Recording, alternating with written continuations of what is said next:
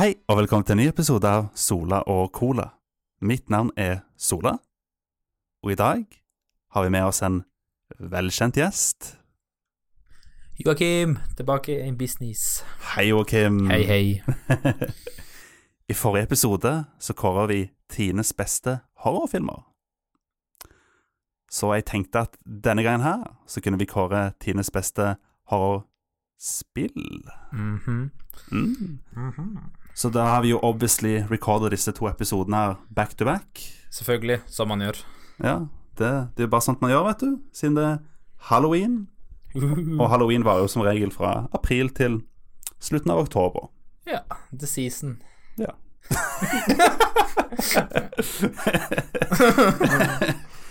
Nei da, det var eh,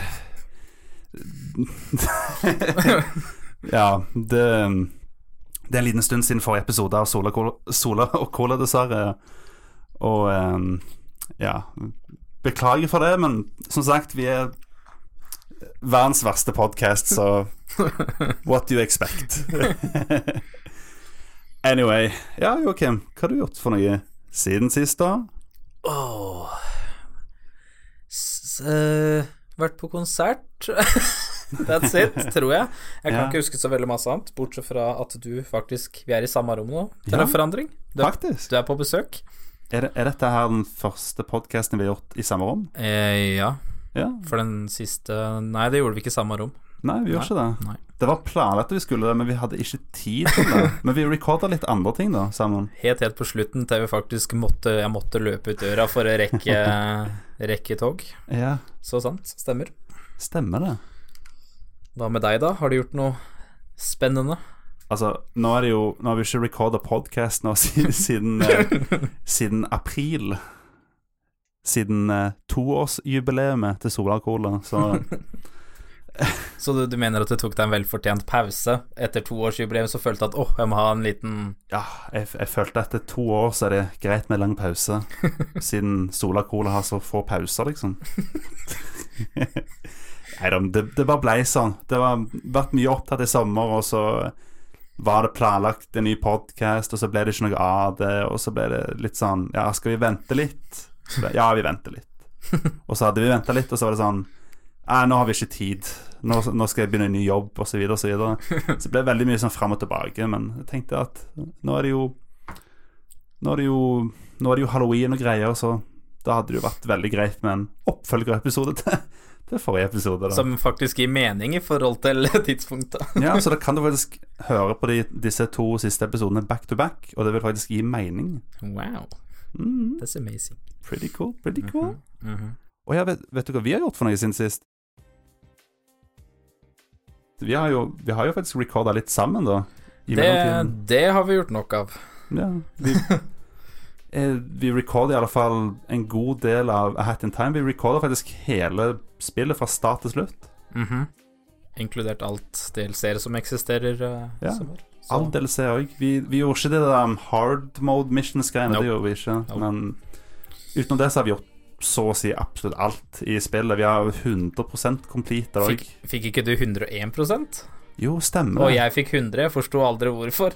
Nei, ikke jeg heller. Det, det er ikke godt å si. For vi spilte bare sammen hele tida, så Ja, jeg har ikke peiling hva som skjedde for noe. Vi har jo like mange collectibles og greier. Yep. Jeg vet ikke hva som skjedde for noe, men det var utrolig gøy, for at Hat in Time er et av mine favorittspill ever, har det blitt. Det, Mhm. an, andre gang jeg spiller gjennom det, da, er med deg, faktisk. Og Ja. det er fullt mulig at jeg kommer til å spille gjennom det igjen òg. Men herregud, den der Den der Den nye banen i Hat and Time i, Jeg kan ikke snakke engang. I, i Hat- Det er jo så lenge siden jeg har hatt podkast nå, så jeg har glemt hvordan jeg snakker. Nei, den, den forrige den, Nei, de to, det er jo to DLC-baner til Hat and Time. Den ene kom ut i fjor, den andre kom ut i år. Mhm. Begge er fantastiske. Det er jo den båtbanen og den der uh, train station-banen mm. det, det, er jo det er de beste banene i spillet, syns jeg. Ja, det var det. Ja, Selv om hvor- Det var For meg var det Jeg blei litt annoyed med de toga inni der, men la oss ikke snakke om de. Ja, jeg, jeg merker det. Og uh, Ja, men jeg fikk teken etter hvert, sånn delvis. ja, du, ble, du ble jo faktisk genuint god i det spillet etter hvert. Det syns jeg faktisk. Jeg måtte bare Ja. sette meg litt ned i det. Ja, men herregud, det var, du var jo helt sikker på at du kommer aldri til å mestre det spillet, men det var bullshit. Du, du greide fucking siste bossen i det spillet der, Ja. uten å cheate. Var det noen måte å cheate på? Altså, de har patcha det nå, da, men før så kunne du bruke det der eh, Det der timestop-mekanikken nesten uendelig. Ah, ja. Mye mer enn det du kan bruke det nå. Nei, jeg brukte bare vanlig. Jeg visste ikke om noen andre metoder, så da, Nei, nei. da ble det sånn. For det var sånn jeg eh, greide siste bossen jeg husker på, på PlayStation. mm. For jeg runda det én gang på PlayStation og én gang på PC. Ja. Så nå, neste gang blir uh, Nintendo Switch. Blir det Xbox? Nei, fuck Xbox, da. Jeg har jo ikke Xbox engang, så det blir litt Nei, men du må kjøpe det for å spille da. Ja, kanskje det. Ja, hvis de, hvis de adder sånn um, 4K-støtte og sånt, og uh, da, da kan det være at det er aktuelt. Ja. Ta på Switch, du. Ja, det blir, det blir nok Switch. Spille det on the go. Det Ja. vært gøy. Ja, ja, og så har vi jo Det er jo helt sykt. Jeg har endelig spilt Minecraft Ja, det, det er uh... for aller første gang ever. Og jeg, jeg har alltid vært en person som sier liksom Minecraft, det er for babies. Det er Ja. sånn der uh, spill for elleveåringer. Ja, nei, jeg har, jeg har aldri hatt noe imot sjølve spillet, men det er ikke, jeg har ikke vært sånn som har spilt uh, Altså, jeg liker helhetlig konseptet Minecraft med at du bygger ting, og du kan lage kjempeepic store bygninger og whatever. Mm. Det har bestandig vært spennende for meg, fordi jeg bare liker å se sånn Når du lager noe, så er det bare sånn Wow, that's cool. Uh, alt blir superstort og liksom er sånn wow. Men det er det med at det var blokker for meg som var sånn der eh. Og det er fortsatt litt sånn Jeg kunne ønske at det var du, Man kunne ønske at det var annerledes, men Mm. jeg, har alltid, jeg har ikke hatt noe mot det. Jeg har bare liksom aldri vært noe Man har liksom ikke en vennegruppe når man blir over 20 som sitter og fast spiller Minecraft, for å si det sånn, da. Nei, det, det er Eller, jo sant. eller over 15 heller, for så vidt, egentlig. Men eh, Nei, jeg ble litt overrasket, da, for jeg, jeg snakket med Malin og en annen Joakim som har vært i podkasten. De er jo et par. og de har jo eh, Jeg, jeg fortalte de at jeg hadde begynt å spille Minecraft. mhm. Og da sa, og da sa Malin rett og slett til meg Å ja, så kult. Det gjør jeg òg. Vær med og join serveren min. Ja, ja. Så jeg bare What? Er det, det er andre på min alder som spiller Minecraft, som jeg ikke visste om engang. Det De bare holder litt sånn hysj-hysj. Mm, det er sånn secret, det sånn secret society med Ja. Minecraftere som sitter i, sky, Ja. i skyggen og bare he-he. er sånn guilty pleasure-spill som man alle, alle spiller det, men ingen snakker så veldig høyt om det. Men du må innrømme at når du først får litt teken på det For jeg husker første gangen, den, den aller første videoen der du joina serveren med meg og Stian. Yeah. Åh, jeg, jeg ble så sur på at det Ja. dere drev med. Fordi, du, fordi jeg vet ikke hva du trodde spillet var, eller hva du trodde survival var. Jeg vet Jeg hadde, hadde ikke peiling nesten hva Minecraft, Minecraft var for noen gang. Så jeg bare Jeg kom inn i spillet, og så bare Woho, let's, uh, let's wreck this shit. Du kom inn og så bare «Ah, Jeg slår ned døra, så begynner du å slå Jeg begynner å prøve å drepe dere. Altså, sånn der, Dude, vi har spilt i flere timer for deg, please, ikke. Og så prøvde jeg Så tenkte jeg OK, da. Jeg beklager. Jeg, nå, skal jeg, nå skal jeg prøve å spille spillet seriøst. Og så var det bare eh, Jeg tror jeg trykte feil knapp eller noe, og så Ja. bare ødela jeg noe, og så ble, du, ble dere enda mer forbanna på meg. Så var det sånn ah, Give me a slack! jeg kan jo ikke styre dette spillet engang. Nei. Nei, jeg synes det var eh, Det morsomste var Det må ha vært den episoden da vi gikk første gang i The Nether, og jeg bare For all del hva du gjør, jeg ga deg masse iron shit, og vi hadde så lite iron-ressurser. Så bare for all del du gjør, ikke stå inne i portalen, ikke gå rett fram, for da, går du, da havner du i lavaen og dør. Ja. Og så gikk det fem sekunder før jeg sa det, så så jeg det sto nedpå der at du, at du drukna i lava og daua med en gang. Jeg, da var jeg sånn der Å, dude.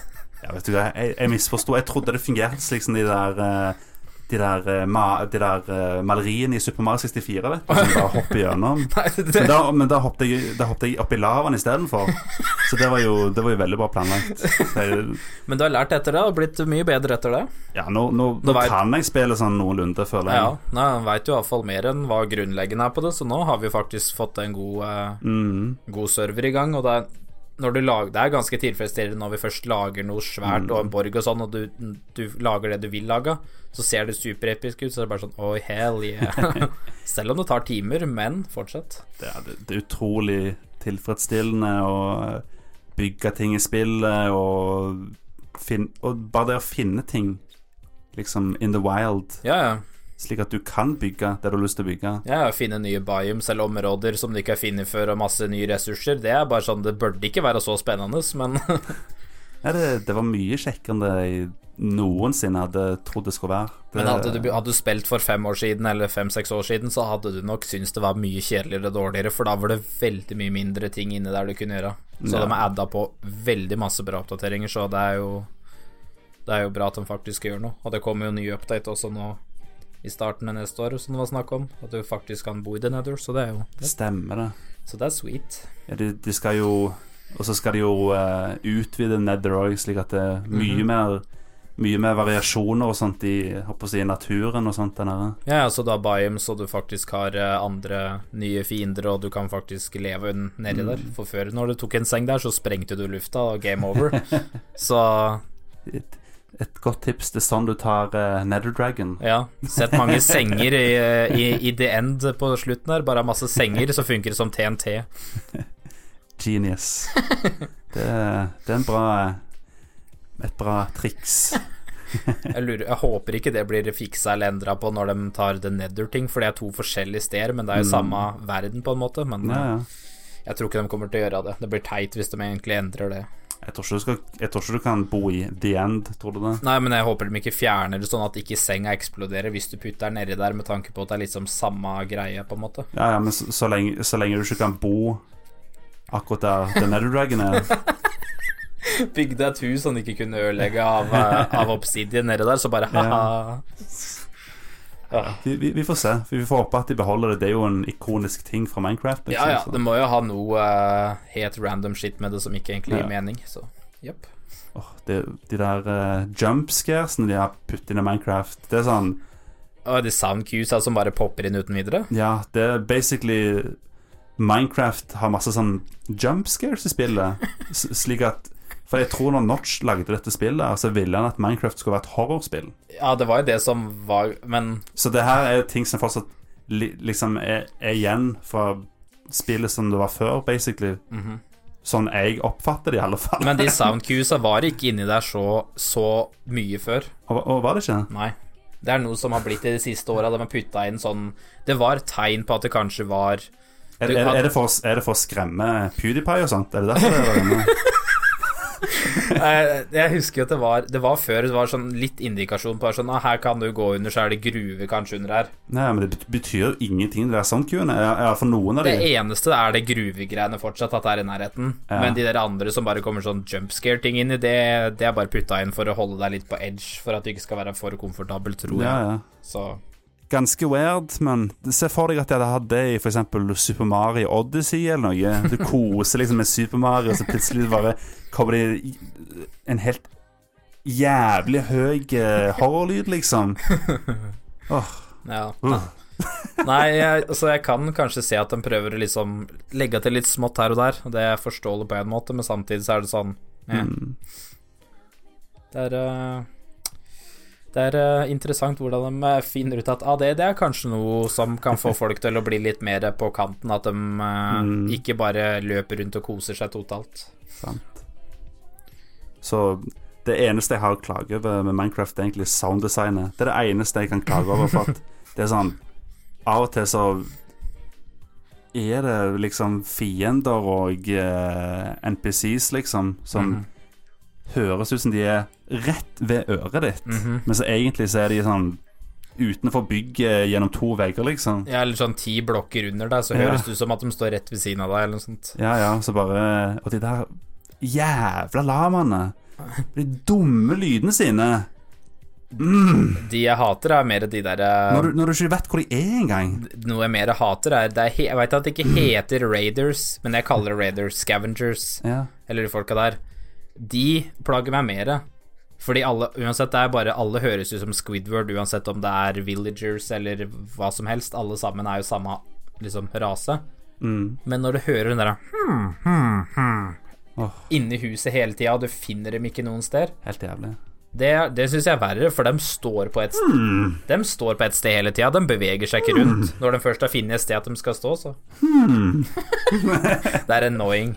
Jævlig irriterende. Bortsett fra det, så Så det er ikke så masse annet å klage på på spillet på den måten. De har fiksa tinga som folk ville ha fiksa før, og det I'm happy about it. With that shit. Ja. Ko- Kongespill. Så hvis du vil se vil du, Hvis du vil se meg og Joakim spiller At in Time og Minecraft, så kan du gjøre det på Gametime Norway Yes. på YouTube. Helst søk etter det i samme ord, det er lett å finne. Jep. Gametime Norway. Hvis du bare søker på Gametime Norway da, så finner du kanalen først. Så tror jeg antageligvis Jeg tror Minecraften popper opp mer enn andre spill oppå der, fordi det er uh, tagga litt bedre på det, så jeg tror det popper opp. Men Nice. eh, hadde jeg het Gametime Norway når vi gjorde det sist, eller het Gametime Norge da? Fordi jeg har endra til Norway i etterkant. Stemmer det? Jeg, jeg mener at vi snakket om det sist gang, at du nettopp hadde endra det. Hvis okay. jeg ikke husker helt feil. I så fall, hvis vi ikke prata om det, så har jeg endra det, det kort tid etterpå, iallfall. Nice. Så da er det mer eh, Å, du. Du er så flink. Mm. Flink gutt. Så nå får jeg ikke endra det mer. Hvis det er en ting jeg har lyst til å endre, så har jeg ikke muligheter mer. Ja, men det, det er bra. Det er bra navn, det. Mye bedre enn Gametime Norge, i alle fall når kanalen er på engelsk. Jepp, han var på norsk før, så det gir mer mening nå, så helt enig der. Anyway Å ja, en, en liten, en liten informasjon som er greit å vite for folkens.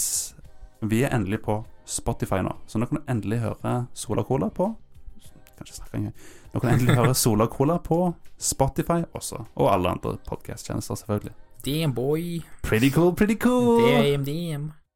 Vi kan jo fortelle veldig kort om at vi har jo vært på Retorspillmessen sin sist.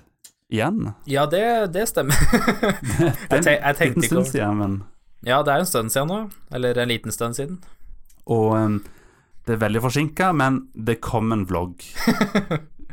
Muligens rundt den før eller etter den podkasten. Vi, vi, vi får se. Det, it's right around the corner. Du kan gi det som, du kan gi det som en julegave i desember. Nei.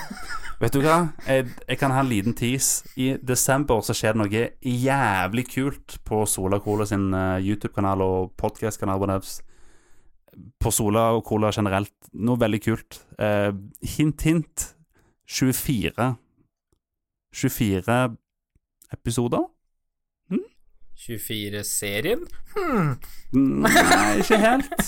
Jeg tror ikke han der eh, Jack, Jack, Ba- Jack eh, Bauer? ja, jeg tror ikke han Jack Bauer eh, dukker opp som gjest, dessverre. Det, så heldige har vi ikke vært. Men 24 episoder av Sola Cola. Hell yeah. Hmm, Maybe. Hmm. maybe. Vent, vent og se. Uansett, Retrospillmessen 2019, fucking amazing. Mhm. Det Jeg er Jeg er målløs. Fantastisk. Hæ? Mm. Men sånn som jeg følte av fjor, så var det sånn Da var det jo på en måte Jeg følte det var ikke flere, eller var litt mer Når eh, Jeg følte det var kanskje litt mer sånn folk å møte og hilse på rundt da, i forhold til mm. med youtubere og litt større folk også. Men det som redeema alt i år, eller det som var, var jo med eh, alt med afterparty og alt sammen, i forhold til Ja, herregud. Herregud, for en afterparty. Det var, eh, det var liv. Det, det, det er sånn jeg skal, Når jeg skal lage sånne her topp 100 opplevelser gjennom, livet, så kommer dette afterpartyet afterparty her til å være på lista, liksom. Ja. Ganske høyt oppe. Ja, nei, det var fordi man kan dra Man kan dra og feste eller whatever, og dra ut på by, byen og sånn med noen få, men på det det føltes ut som at det var en stor Fordi vi møtte jo flere ja der som det var så morsomt, for at jeg Jeg, eh, jeg møtte jo eh, en utrolig koselig fyr som heter Raymond, i, i, hei, i heisen, når, når vi skulle, skulle reise bort dit. Mhm. Og um, jeg spurte han bare skal du, skal du på afterparty. Så sa han ja, han, han vurderte det. Så sa jeg ja, vi, vi skal ta Vi tenkte vi skal ta, ta taxi bort dit nå. Så sier han bare å ja, jeg, jeg, jeg, kan, kan jeg sitte på? Så sier jeg ja, selvfølgelig. Så bare ja, bare, bare, vent på meg, jeg skal ta, bare hente dama.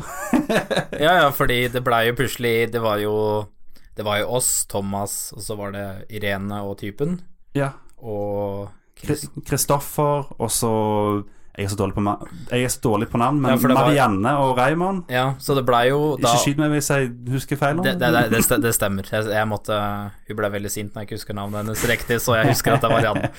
Eh, så vi da blei på en måte bare en gjeng som møter Vi bare ah, vi tar en maxitaxi fordi da Det var greit, og vi betalte jo nesten ikke en skitt for å komme oss dit i det hele tatt i forhold. Så bare sånn ah, lønnsomt, og vi ble kjent med nye folk og bare hilsa på dem inn i maxitaxien.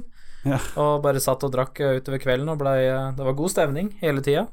Utrolig god stemning. Mhm. Så det Det trodde jeg ikke kom til å bli så Jeg var bare sånn her eh, Det høres ok ut som idé, Ja, ja. men jeg tenkte at ah, kanskje det er sånn half-fast og litt sånn lamet, men eh, det var ikke det.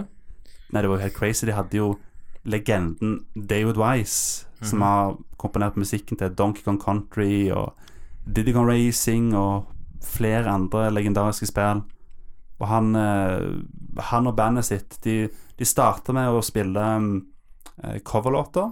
Nei, motsatt. De, Sound- Soundtracks og Ja. originallåter. de, de begynte med originallåter, og så av Og så halve kvelden originallåter, og resten av kvelden coverlåter. Da folk hadde blitt litt mer eh, Mm. Litt mer berusa på øl og litt, blitt litt mer borti der skikkelig partyhumør, da dro de fram coverlåtene på, på full guffe. Ja, det, var helt, det var jo helt insane. For jeg, jeg, jeg intervjua jo David Wise i eh, episode én av Sola Cola. Mm. Og eh, da sa han jo i intervjuet da at han, eh, han spilte i eh, et coverband okay. ok. som het Madison. Og jeg tenkte herregud, tenk så kult det hadde vært å få sett Madison, liksom. Og nå, nå har vi sett Madison! Det, det er jo så utrolig kult, liksom. Mhm, Det er jo det. Og det De hadde jo um, Kev Baileys på vokal.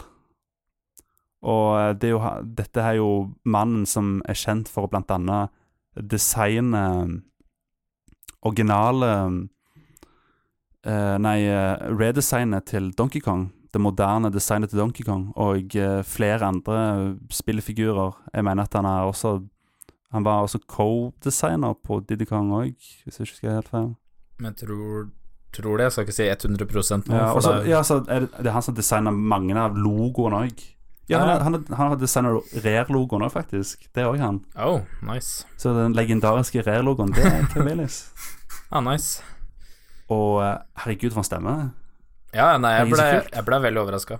Ja. Så i vloggen så vil dere jo selvfølgelig få lov til å se noen eksempler, men herregud, det var mye bedre in person. Ja, ja, ja. Jeg, jeg filma det her med en fuckings mobiltelefon, liksom, så Altså, jeg gruer meg litt til å se den delen der, fordi jeg, jeg blei ble, sponsa med så masse øl. Fordi jeg er egentlig ikke en øldrikkende. Jeg er ikke så glad i øl, Nei. men det var jo bare øl de hadde her for det meste. Mm. Så jeg ba jo deg om å velge noe som du trodde jeg kanskje var litt, noe litt lysere. Ja. Men herregud, jeg fikk jo seks stykker og kjøpte én sjøl, tror jeg. Alle sammen var sånn ah, 'Vil du ha en?' Og så jeg kan få en. Så møtte jeg noen ungdomsskolekamerater der som var der, og han bare «Ja, 'Vil du ha en? Vil du få en av meg?' Lenge siden sist. Hvem øl vil du ha? Så jeg blei jo eh, Så det blei litt mer enn Men etter hvert så begynte det å smake bedre, for da mista jeg litt smaken på det når man blir Nei da, det var ikke så gærent. Det var bare med å Så Av alle ting du kunne drikke, så var det grønn IPA du, du falt på. Det var, jeg prøvde mange forskjellige. Jeg prøvde, jeg, det var én gang jeg tok den samme, men bortsett fra det så prøvde jeg fem forskjellige. da Fem-seks forskjellige. Det var aldri noe den samme. Fant du en, fant du en favoritt, da? Du må ikke spørre om det, jeg husker ikke det nå. Nei, sant. Nei, men det alle, forstår jeg godt. alle, alle sammen var ganske mer enn greie nok uansett. Jeg vil bare ikke ha mørkt, tjukt øl. Fordi når man ikke liker øl, så er ikke, det, er ikke det man først hopper på. Nei, jeg ser den. Så jeg gleder meg litt til å se om det av opptaket av dem jeg, jeg, lurer, jeg er liksom litt redd for å se. Det kan, det kan bli spennende. Ja, det kan bli veldig spennende.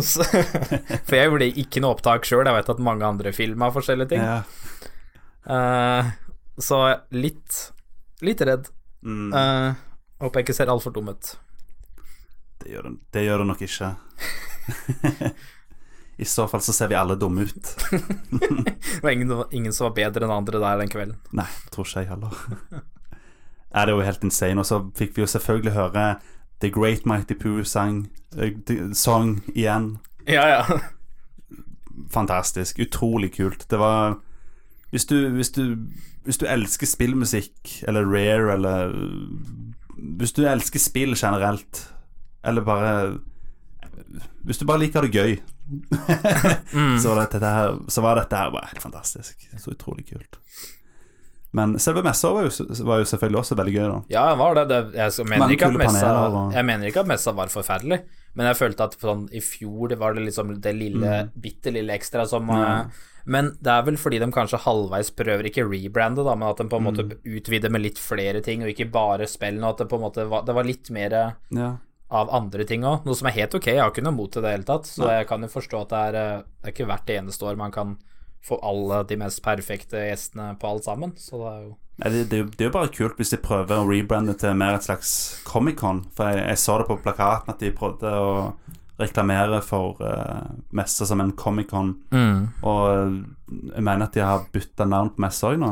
Mm, det det heter bare retromessa. Retromessa, ja. ja. Men Ta bort spill inni, for da, Mm. da var det masse at de hadde da Det var da comics, samleobjekter, Mm. samlegjenstander, og spill var én av dem, da. Da var ikke det på en måte retrospillmessa mer. Jeg liker det så lenge de fortsatt i alle fall fokuserer 50% på, Ja, på spill. det bør de jo. Det bør det ikke bli en lite Bør det ikke bli en sånn 20% chunk som er spill, og alt annet eh, resten er andre ting. Nei, ikke, ikke gjør sånn jeg håper å si Comic-Con i San Diego gjort, der, eh, der eh, 10% av messene er comics. Ja, der, det er bare en svær merch-greie Ja, med, bare, med sånn bare figurer og genser og ting overalt. Ja, og møte filmstjerner og Mm. gå på filmpaneler og TV-seriepaneler. Det er jo Comic-Con er jo ikke et Comic-Con lenger, det er bare TV- og filmcon, Ja. basically. Ja. Med en li lite hjørne der de selger. Det er, det, det er eneste grunn til at jeg kan kalle det Comic-Con fortsatt, at man beholder det lille hjørnet. Bare ah, vi selger comics fortsatt, så vi er fortsatt Comic-Con. Ja, og så fokuserer vi ekstra mye på superheltfilmer. Ja. Ja, for vi har masse, masse Marvel-paneler her.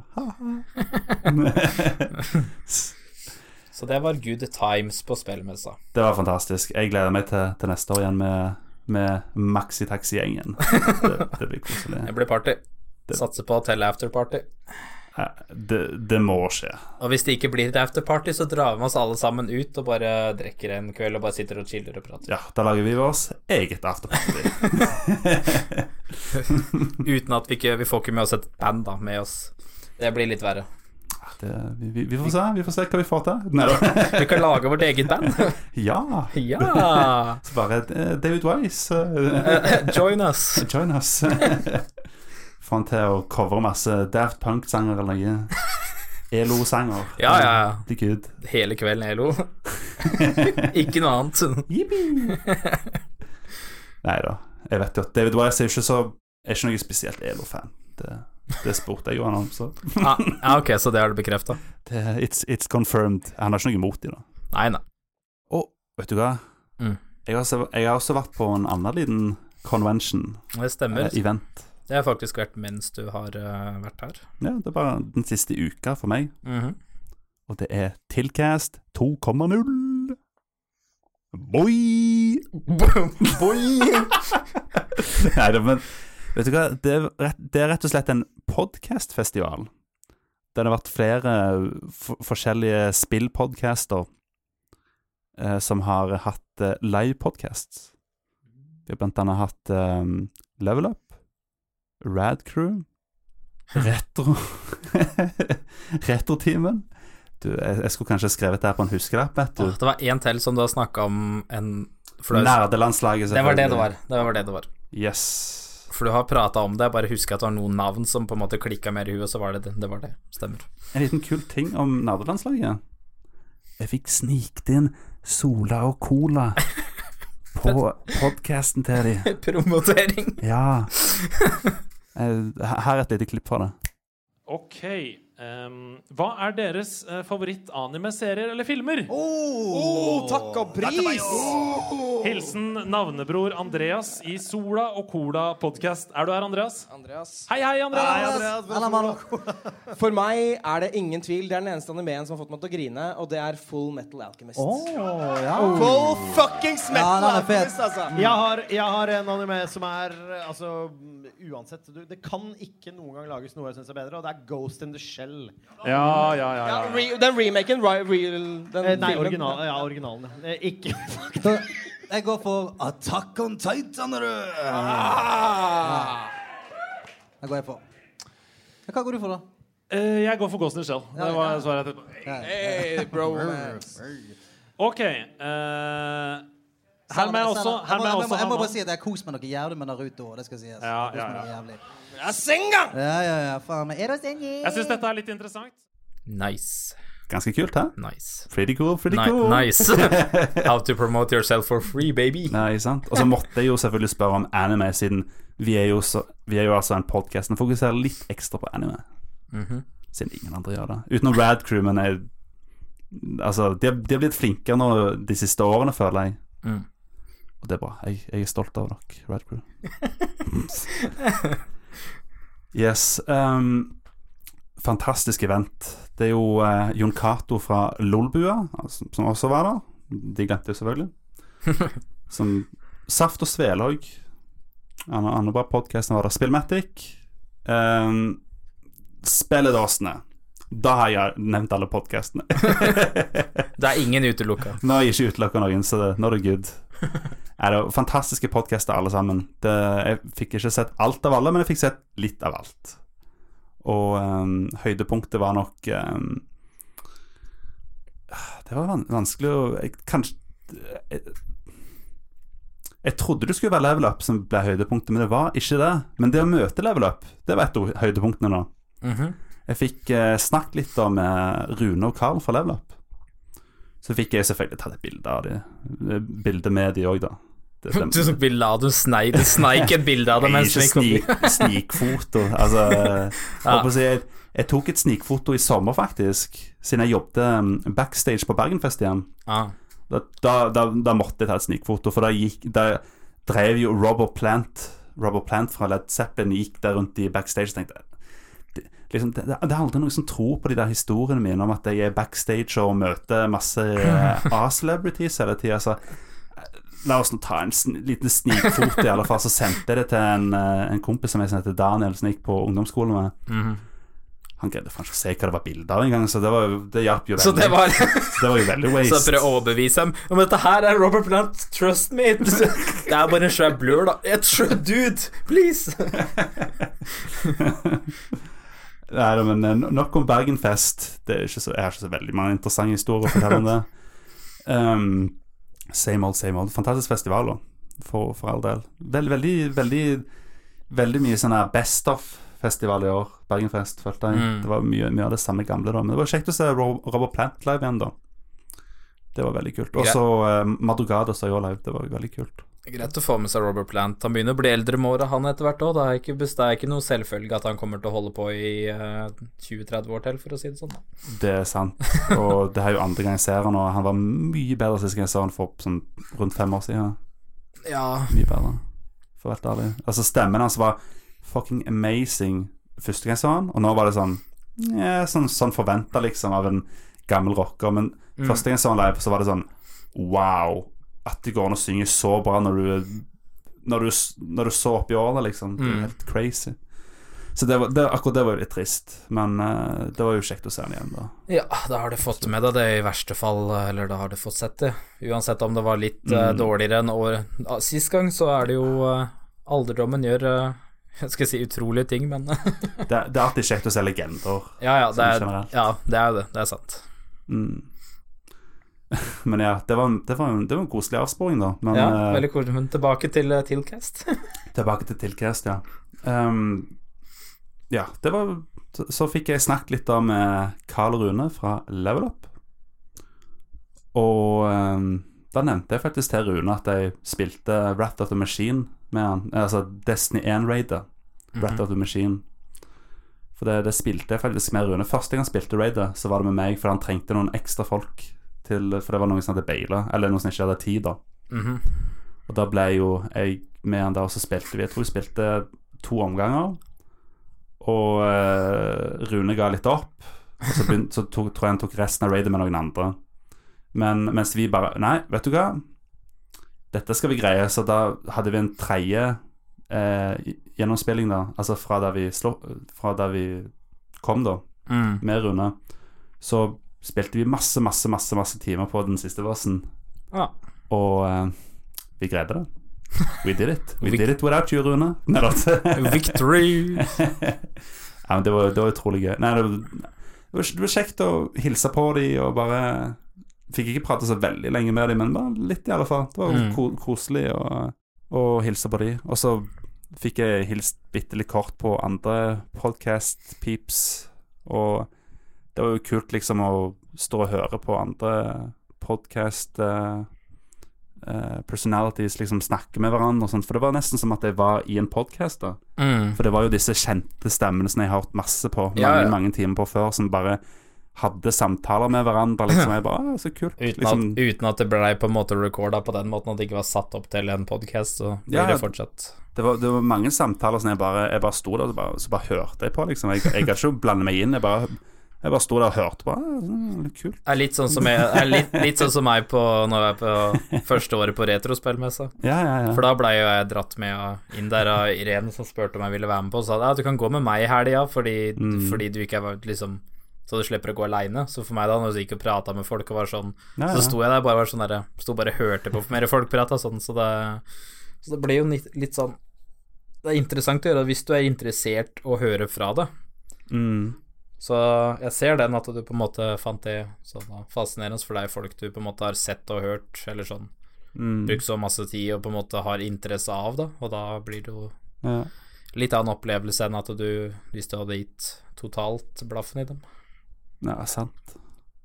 Jeg hadde nok blitt fortere lei, tror jeg, helhetlig i forhold til at jeg er ikke så mye inne i det der podcast-greien som du er Mm. på den fronten. Så da hadde antageligvis jeg blitt sånn derre Jeg hadde nok blitt lei litt kjappere enn deg, tror jeg, og litt mindre interesse av det. Det som var så greit med det eventet, var jo at det her var jo i to etasjer. Så når du trengte en pause, så var det bare å gå i første etasje og chille der med andre spillinteresserte. Det er nice. Så det var jo fantastisk. Det å Det at det var i to etasjer, og du, du trengte ikke å få med deg alt. Du, du bare fikk med deg det du hadde lyst til å få med deg, og når du var eh, sliten og lei, så var det bare å stige opp eller stige ut og få seg noe å spise. Det Ja. gjorde jo vi òg. Jeg, jeg traff jo eh, to veldig koselige folk på, uh, på messa. Nei, messa sier jeg, på eventet. Mm. Som vi da endte opp å spise mat på Er det Mathallen det heter? Ja. Ja, vi endte opp å spise, spise mat der. Jeg spiste en veldig god uh, spicy uh, andeburger. Det var, var veldig godt. Aldri hatt før, men det høres Jeg tror det er bare generelt fordi det heter noe med and inni, at det er en sånn litt annerledes middagsrett eller mat som du Mm. spiser, at det er liksom ikke Det er ikke noe dagligdags man får servert hele tida, så det er kanskje derfor det høres veldig Mm. annerledes ut. Jeg, hadde bare lyst til å prøve noe nytt, liksom, siden det var så mye spennende Ja, nei. Det høres jo spennende ut, for all del, men det er ikke noe du kjøper i hverdagen. Du går ikke i butikken og bare Eller så, Nå veit jeg ikke om det er andeburger i butikken heller så veldig ofte, da. Nei. men sånn Det er ikke noe man på en måte kan se hele tida som en vanlig, vanlig ting, så det er jo Det, det er ikke det beste jeg har spist, men det var, det var, en, det var en terningkast fire, liksom. Ja, så midt på tre. Ja, men det mette jo veldig godt, for jeg var veldig sulten da. Så det var jo, var jo veldig digg. Og så var det good company òg, for det var ve veldig koselige folk å snakke med. Men ja, beste, beste podcasts den kvelden var absolutt Nerdelandslaget. Ingen tvil. De hadde jo helt crazy show med der de hadde lagd en musikkvideo til eventet med en kul sang som de rappa live når de kom der. Og så Det tok helt av. Og så hadde de to liksom sånne eh, celebrity-gjester, da. Å, herregud, hva er dette for noe? Um, han ene var med i Kollektivet før. Åh, jeg husker ikke Hva er det? Øh. Sorry, sorry, sorry for at jeg ikke husker navnet ditt. Og så um, han mister um, Mister Bartemann. Hva er det heter for noe? Jeg veit han Herregud, han fra Karl Johan-serien. Uh, oh. Vi er flinke med navn, vi lover. Å, herregud, jeg får vondt inni meg nå. Jeg ikke greier å huske det. Jeg, jeg, jeg så alle jeg, Altså, unnskyld, jeg så alle programmene av den eh, serien. Så eh, Veldig kjekt. Så det er litt trist at jeg ikke husker det. Må nesten Hva faen du heter for noe? Jesus Christ. Hasse Hope, selvfølgelig. Oh, ja. Hasse Hope, hei! Der piker det òg veldig. Oh. Eh, Smooth. Hasse. Og så Sebastian Brynestad. Stemmer. Yeah. To kongepersoner. Og så avslutta de med en utrolig kul konkurranse, der eh, alle som hadde sendt inn spørsmål Jeg var en av de, som sagt. De kunne vinne en PlayStation 4. En limited edition-versjon. Spørsmålet er vant du PlayStation 4? Nei. det, det gjorde jeg dessverre ikke. Men uh, jeg hadde jo sånn ca. én til ti vinnersjanse, da. Så den er relativt stor, men Men fortsatt så Heldigvis så uh, Hansen vant PlayStation. Han hadde ikke en PlayStation 4 engang. mm, Så det Det varmer hjertet mitt veldig. Så det var koselig. en tell-alliert. Ja, han var helt, han var jo skikkelig rørt. Det var jo fantastisk flott. Ja, ja, nei, den PlayStation i helhetlig, den er jo også veldig etterspurt PlayStation uansett om du Mm. hvis, man, hvis den hadde en fra før av, og hadde solgt den eller tatt vare på den, så hadde den jo fått fint penger for den også, men hvis den ikke hadde fra før av, så er jo det en veldig spesiell PlayStation, og faktisk Ja, du kunne fått et uh, fint uh, skjermkort med de pengene, for å si det sånn. Ja. Uh, og ja, jeg møtte jo selvfølgelig Otto fra Retrotimen igjen. Han møtte jeg faktisk på Retrospillmessen for uh, to år siden. Mm. Utrolig, utrolig koselig fyr. Og da, på slutten av kvelden, da, så endte jeg, å, endte jeg opp og snakke litt med han. Og også begynte jeg å snakke med Trond Sinfor, som også var med i retortimen før. Og da fortalte jeg han at eh, Nei, han spurte meg hva som er min favorittpodkast på eh, Hva som er min favorittpodkast på eventet, da. Så sa jeg Ja. Retrotimen med Sinfor, sa jeg til ham. så det var, jo, det var jo litt artig. Og så endte vi jo da opp med å um, spise hamburger da på um, Burger King på natta, for vi, vi sleit veldig med å finne en plass å spise. Det var jo en søndag, vet du. Mm. Søndag i Oslo, Oslo City. Du skulle tro at det var lett, men no, no. Nei, det var Hvis du veit stedene, og du veit sånn cirka, så, vei, så finner du det, men hvis du, som sagt, du er ikke akkurat eh, Du er ikke akkurat beboende i Oslo. Nei. eh, Tipset mitt er Oslo S. Det er der du drar. ja, jeg er helt enig der. eh, Hvis jeg har vært sånn der, jeg veit ikke hvor Oslo er, så er det en ganske sikker, eh, Mm. sikker område.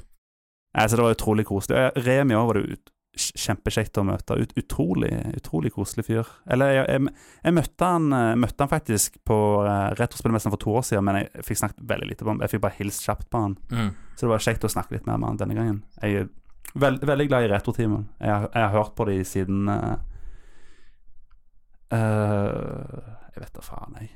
Sikkert sånn episode 20 eller 30 eller noe ganske tidlig i podkasten. Da Mm. begynte jeg å høre på dem.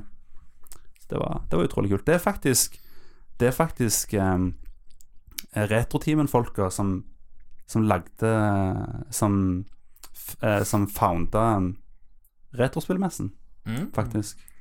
Så alt går rundt i en sirkel på en måte for folk du Ja. møter. Det, så det, det er jo ganske kult. Det er jo en ganske kul fun fact. Mhm. Siden ingen busser eller tog gikk hjem etter eventet, så endte jeg opp med å måtte sove på en sånn eh, såkalt hostell. Siden jeg gidder jo ikke bruke sånn flere tusenlapper liksom på sånn her uh, hotell. Nei, nei, nei. Det, det gidder jeg ikke. Når uh, Det er jo så dyrt, fordi at vi fant ut dette her dagen før, at det ikke var noen buss eller tog som gikk. For det, det er jo det er tross alt en søndag eventet var på. Ja, for da måtte du vel egentlig reist før sjølve den siste podkastet som du skulle få med deg, var ferdig. Da hadde du muligens rekke siste buss, men da måtte du jo stikke midt inni. Ja, jeg tror jeg måtte gå i Jeg tror jeg måtte gått sånn i starten av ant siste podkast Ah, okay. for å uh, komme hjem. Så da, da ble det hostell. Ja.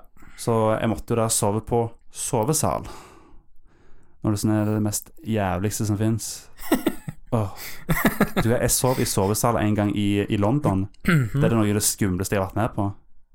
Jeg, eh, hver gang jeg lagde en lyd, så skrudde en dude på lyset sitt og stirra intenst på meg. Sånn killerblikk. Jeg Oh bare, my God. Jesus Christ. Skikkelig on edge. Så det var litt sånn uh. Jeg har aldri gjort det før noen gang, så jeg kan ikke si at jeg, jeg kan Jeg håper å si um, Du anbefaler ikke?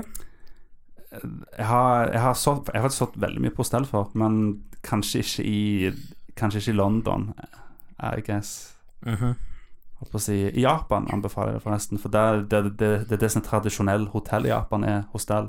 Å ja, okay. Det med å dele bad og, eh, og toalett og sånt, og det å Kjøkken og alt det der. Det er liksom veldig Det er tradisjonell japansk hotell, liksom. Så, Å ja.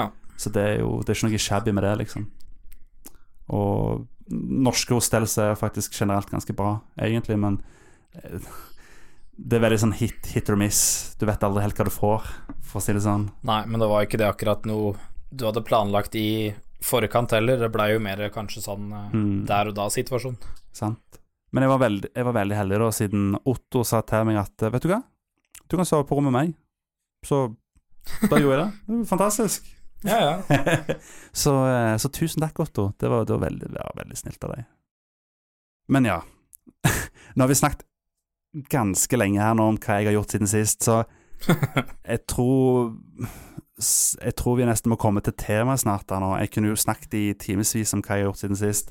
Så, men la meg få fem minutter til, så skal jeg bare fortelle veldig kort om et par ting jeg har sett og spilt i det siste.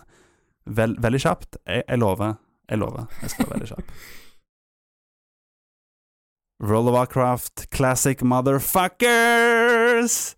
World of Warcraft, classic motherfucker!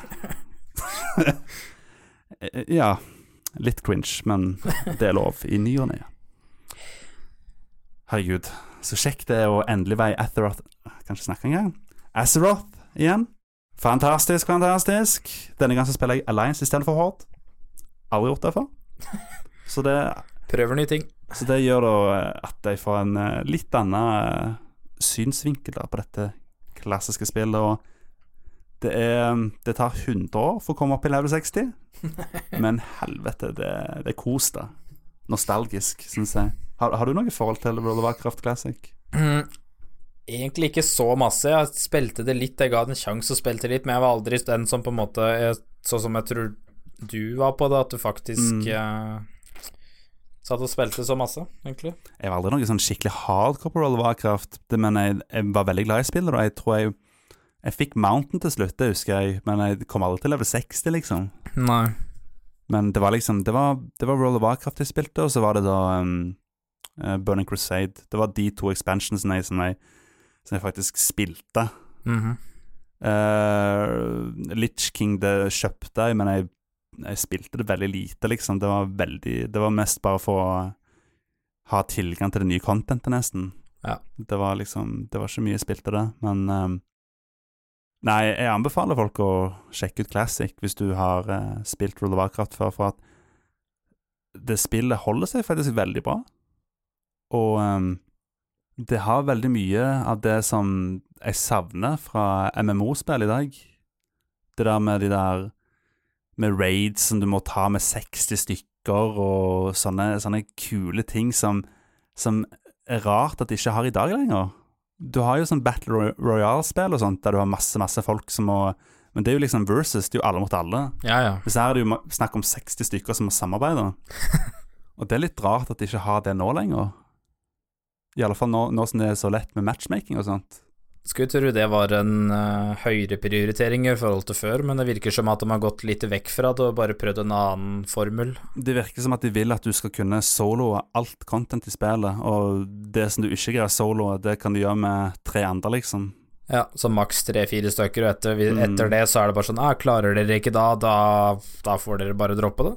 Ja, men du, du kan lage raid-grupper, men problemet da er at liksom Da er du noob i spillet, liksom. Da Ja, ja. Du greier ikke med, med triander, liksom. det er jo ganske dumt, for at Ja. Sånn som det er i World of Warcraft Classic nå, det er jo fantastisk. Det er kjempegøy. Nå er jeg jo level um, 33, mener jeg at jeg er. Så um, Og jeg sparer jo da til Mount, og det Jeg mener at jeg har kanskje 20 gold nå. Og jeg trenger 100. Men eh, jeg har jo oppgradert og skinning og tailoring og sånt veldig mye, da. Og brukt mye penger på det. Så um, jeg tror jeg skal greie å tjene disse 100 goldene. Jeg tror det skal gå bra. Soon. Ja, så kan jeg bare avslutte med um, to kjappe ting. Jeg kan ta én film jeg har sett, og en serie jeg har sett. Starte med filmen. Endgame. Motherfucker!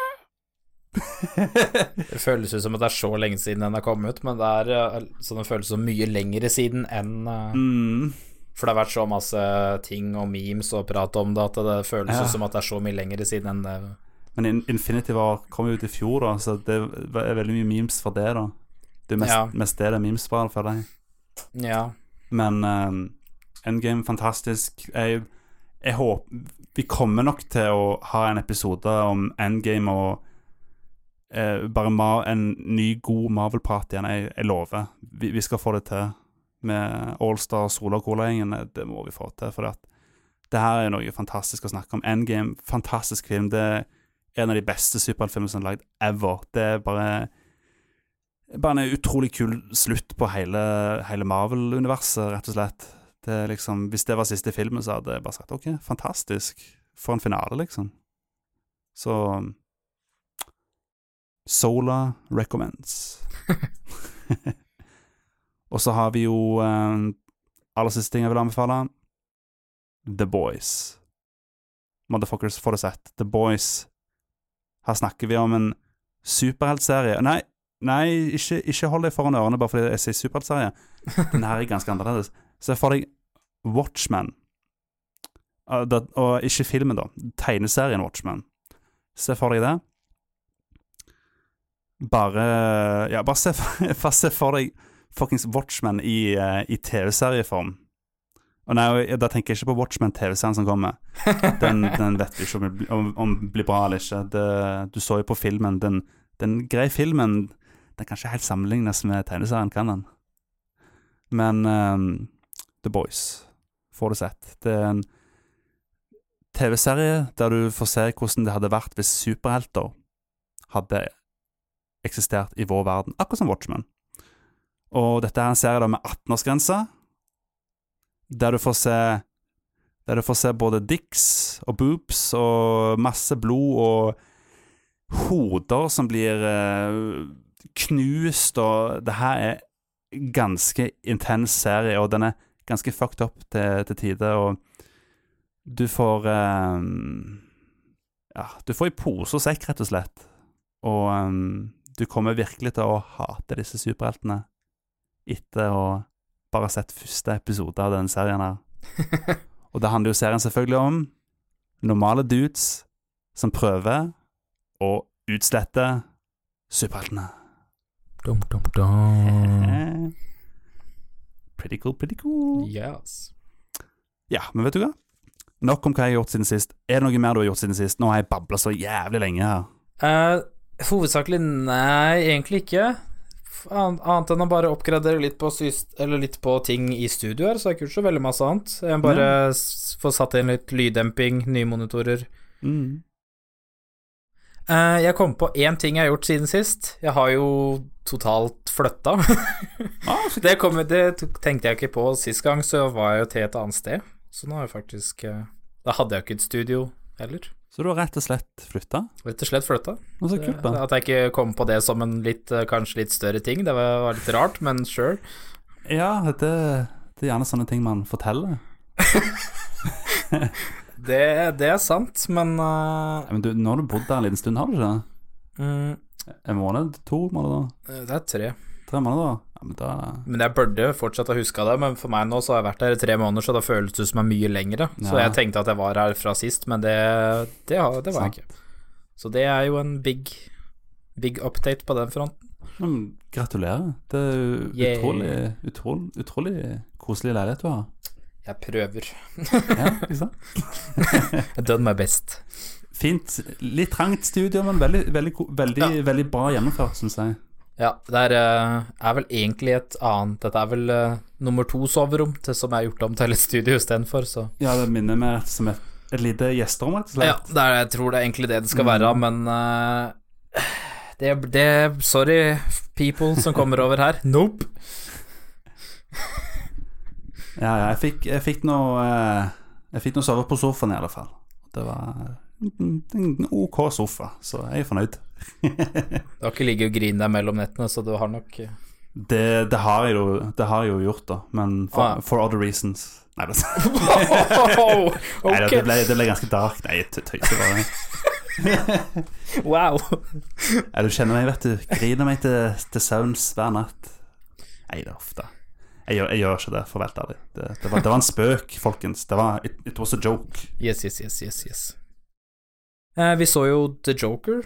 Ja, vet du hva, vi så, vi så faktisk den nye Eller det nye, det er bare én Joker-film, da, men vi så Vi så The Joker på kino, og det var Vet du hva, vi skal ikke si noe om den. Vi tar og snakker litt mer om den senere i podkasten, Mhm. for um, det um, Det var en film. Jesus. Oh my, Sorry. oh my god. Yes. La oss gå videre i podkasten.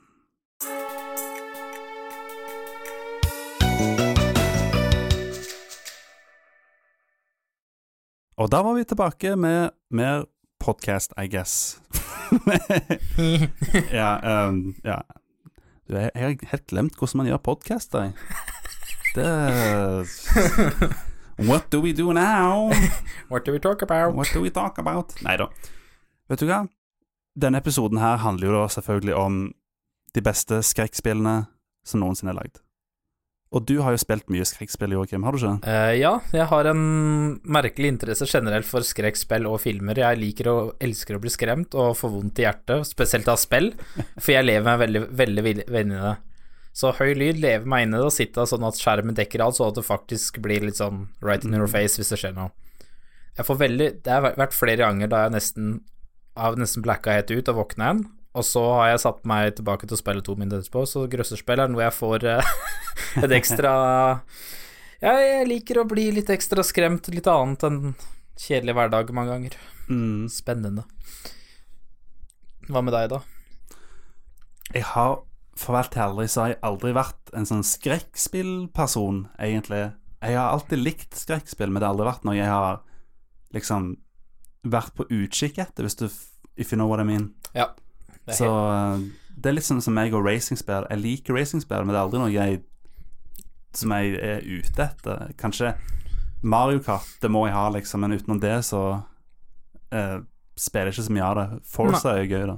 Men liksom, men jeg ser den. Det er jo to forskjellige Vi er veldig forskjellige på det. Det er sånn Mm. Jeg oppsøker det og leser på Upcoming Games som kommer hele tida på forskjellige sider for å se hva som kommer av grøsserspill. mm, Så jeg er veldig omvendt der, men uh, det er veldig mange søplete grøsserspill generelt, som, sånn som det sånn som det er også søplete grøsserfilmer også. Det er eh, ja, det er veldig sant. De blir spytta ut i hytt og pine og bare har sånne fattige jumpscares. Det er ikke et grøsserspill i mitt, uh, mitt uh, hode, akkurat. Nei. Så vi er veldig forskjellige der, men det er bra, det òg. Være annerledes. Ja, det er jo sant. Men som sagt, jeg liker skrekk i spill. Mhm. Og da siden jeg ikke har spilt så mye skrekkspill, så tenkte jeg da at jeg eh, kunne ta en liten topp fem horrorbaner i spill som ikke er horrorspill. Mm, yes. Nummer fem Halloween Town i Kingdom Hearts 1 og 2. Altså, jeg vil ikke kalle det her for en veldig skummel bane, men dette er jo obviously en Halloween-teamed bane. Eller baner, da, for det er jo med én og to, men si, veldig mye likheter. Det er jo basically samme plassen, da. Men um, det er basert på uh, alle emo-jenters uh, favorite film. My Den- paper for Christmas. Stemmer det. og ja, det var, det var en koselig bane basert på, på den filmen, da. Og jeg har forresten spilt veldig mye Kingdom Hearts-spill i år, og jeg skal prøve å runde alle nå. Og jeg, jeg er nå på Birth by Sleep, og um, veldig, veldig kjekk eh, spillserie, så uh, I recommend. Nummer fire, Mad Monster Mansion fra Banjo Kazooie. Og også en liten shout-out til Witcherworld fra Banjo Tooie, også bra bane. Men Mad Monster Mansion, det er bare en skikkelig kul eh, horror- horrorbane fra Banjo Kazooie. Har, du- har du spilt den banen? Jeg har spilt den, Ja. men jeg, eh, jeg huska ikke at den var inni til du sa det. Så bare sånn, ja, stemmer det, var det inni der, men Ja. nå er det en stund siden jeg har spilt det sånn ordentlig mellom det Mm. spillet, og det er ikke Mesteparten vet vel at det ikke er et nytt spill nå for tida, akkurat, så Det er det ikke, men Banjo er veldig aktuell igjen. Ja, det er det. Han Ja, det. er nemlig med i Super Smash Brothers Ultimate. er han det? Han er det. Mm. Pretty cool, pretty cool. Han er, han er veldig gøy å spille som òg. Mm. Så ja. Det er bra at de tar tilbake litt, uh, litt throwbacks og litt sånn kjente ting som på en måte Du har til og med Mad, Mad Monster Mansion-sangen er med i Super Smash nå. Oh, wow. Pretty cool. That's cool. Så ja, bare veldig kjekk uh, horrorbane der du har spøkelser og uh, Og en en blomsterpotte som sier 'fuck you' til deg. Bare good times. fuck you. Nei, det er egentlig ikke det han sier. Uh, nummer tre. uh, Big Boos Haunt. Uh, Også kjent som Big Boos Mansion. Fra Super Mario 64. Og dette her er jo horrorbanen fra Mario 64 på Nintendo 64, obviously. Og jeg husker at det her var det aller første spillet som virkelig skremte meg. For Jesus fucking Christ, det der pianoet. Ja, det er pianoet. Herregud. Og, det, og så er det jo veldig airy, den musikken òg, i den verden der. Veldig creepy musikk. og, eh, og herregud, den der um, Den berg-og-dal-banen som du kommer til under jorda, med den jævla uh, tivolimusikken. og så kommer det der gigantiske spøkelset og skal prøve å ta deg. Jesus fucking Christ. Og, og for ikke glemme det der eh, King Boo, eller hva faen som var på toppen av, eh, av slottet Stemmer. plutselig så bare er han der, og så skal du slåss mot han, og du holder nesten på å falle ned, eh, falle ned slottet. Åh. Og plutselig så bare var det en boo der, liksom, som bare rett bak deg, og Åh. Rett og slett en veldig creepy bane, spesielt når du var liksom syv-åtte år. Veldig, var go- veldig godt satt sammen, da, helhetlig for å være på den tida der også. Ja, den var veldig eh, Absolutt. Den hadde faktorene, den trang, og Mm. hva som på en måte freaka litt folk ut. Fikk dem litt stressa, fikk dem litt på edge i forhold til ting da med Så Og så var det den eneste banen i spillet som du unlocka ved å Ved å eh, drepe et spøkelse, og så var det Så var det et bur inni spøkelset. Så stemmer det. hoppet du inn i buret. Var det i sånn blomsterhageting Ja. du tok til spøkelset, så hoppa ned i Mhm. Stemmer, stemmer. For liksom plutselig så var det spøkelser i hagen til Peach, liksom. Så et, etter, etter du hadde spilt spillet en god stund, liksom. Så drepte du en spøkelse, så var det et bur inni en spøkelse, liksom. Så, så det, det bare gå, Til og med det å gå inn i banen var liksom veldig weird, liksom. Det var sånn Hæ? Det ga null logikk i det hele tatt, men hvis du fant Ja. ut, og du faktisk fant ut hvordan det fungerte, så var det sånn oh wow. Og så fikk du den utrolig skumle horrorbanen, liksom, når du gikk inn i banen, liksom. Ut, ja, utrolig, utrolig kul bane, rett og slett. Nummer to. Silent Realms i The Legend of Zelda, Skyward Sword. Jeg hadde lyst til å ha noen horrorgreier fra Zelda, og jeg, jeg slet litt med å vite hva jeg skulle velge. Fordi at du har jo blant annet um, um, Shadow Temple og uh, for så vidt Spirit Temple òg i uh, Zelda Ocarina of Time. Mhm. Det er utrolig creepy temples i, i spillet. Og så Ja, også den brønnen i Ocarina of Time. Også ut- utrolig creepy. Men jeg måtte velge Jeg måtte velge Silent Realms fra Skyward Sword fordi at Altså, banen er litt småcreepy, men det har litt sånn litt chill musikk, på en måte. Men hvis du fucker opp i vanen, så får du basically uh, Du får basically Mr. X fra Resident Evil 2. uh, som, som chaser deg, liksom. Så jævlig er det. Og han er ganske rask òg. Og hvis, hvis, han da, hvis han da dreper deg, så er det game over, liksom. Det, jeg tror det er sånn Jeg tror det er sånn ett slag eller noe, så er det dau.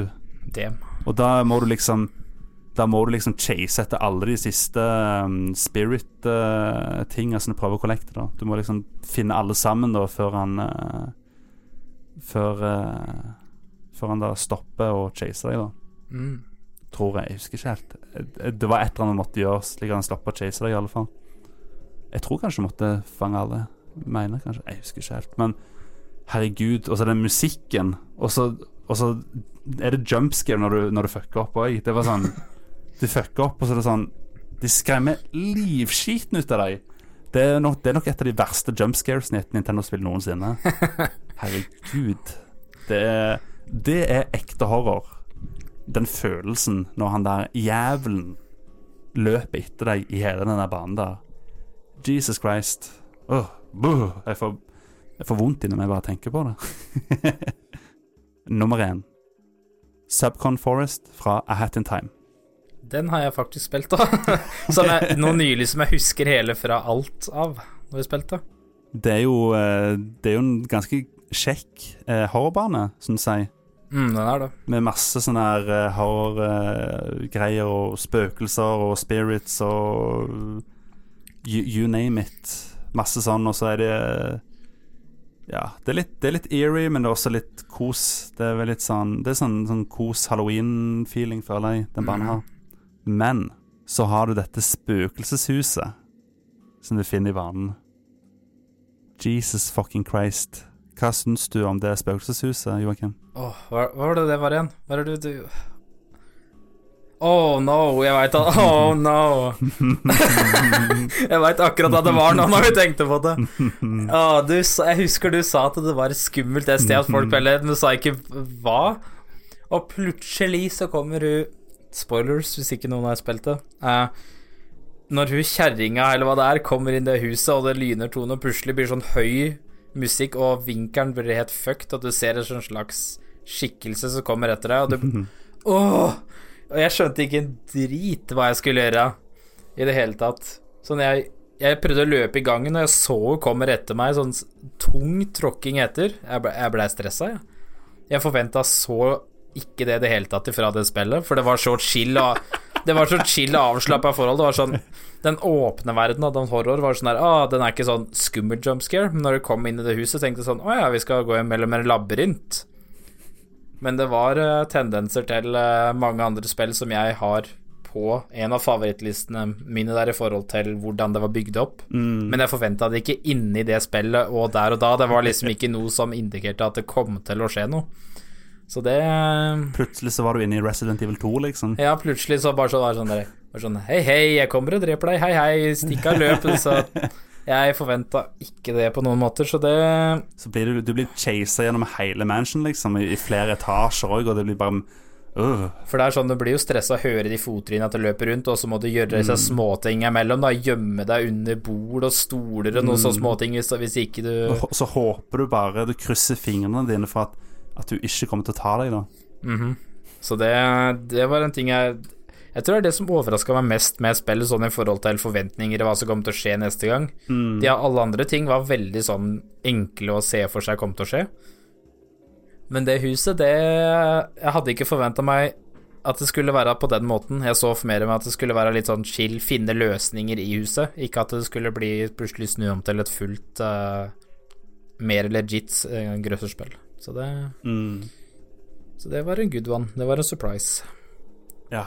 Det var, det var en stor surprise for meg òg. Jesus. Så ja, det her var altså um, topp fem horrorbaner i spill som ikke er horrorspill. Nice. Nice.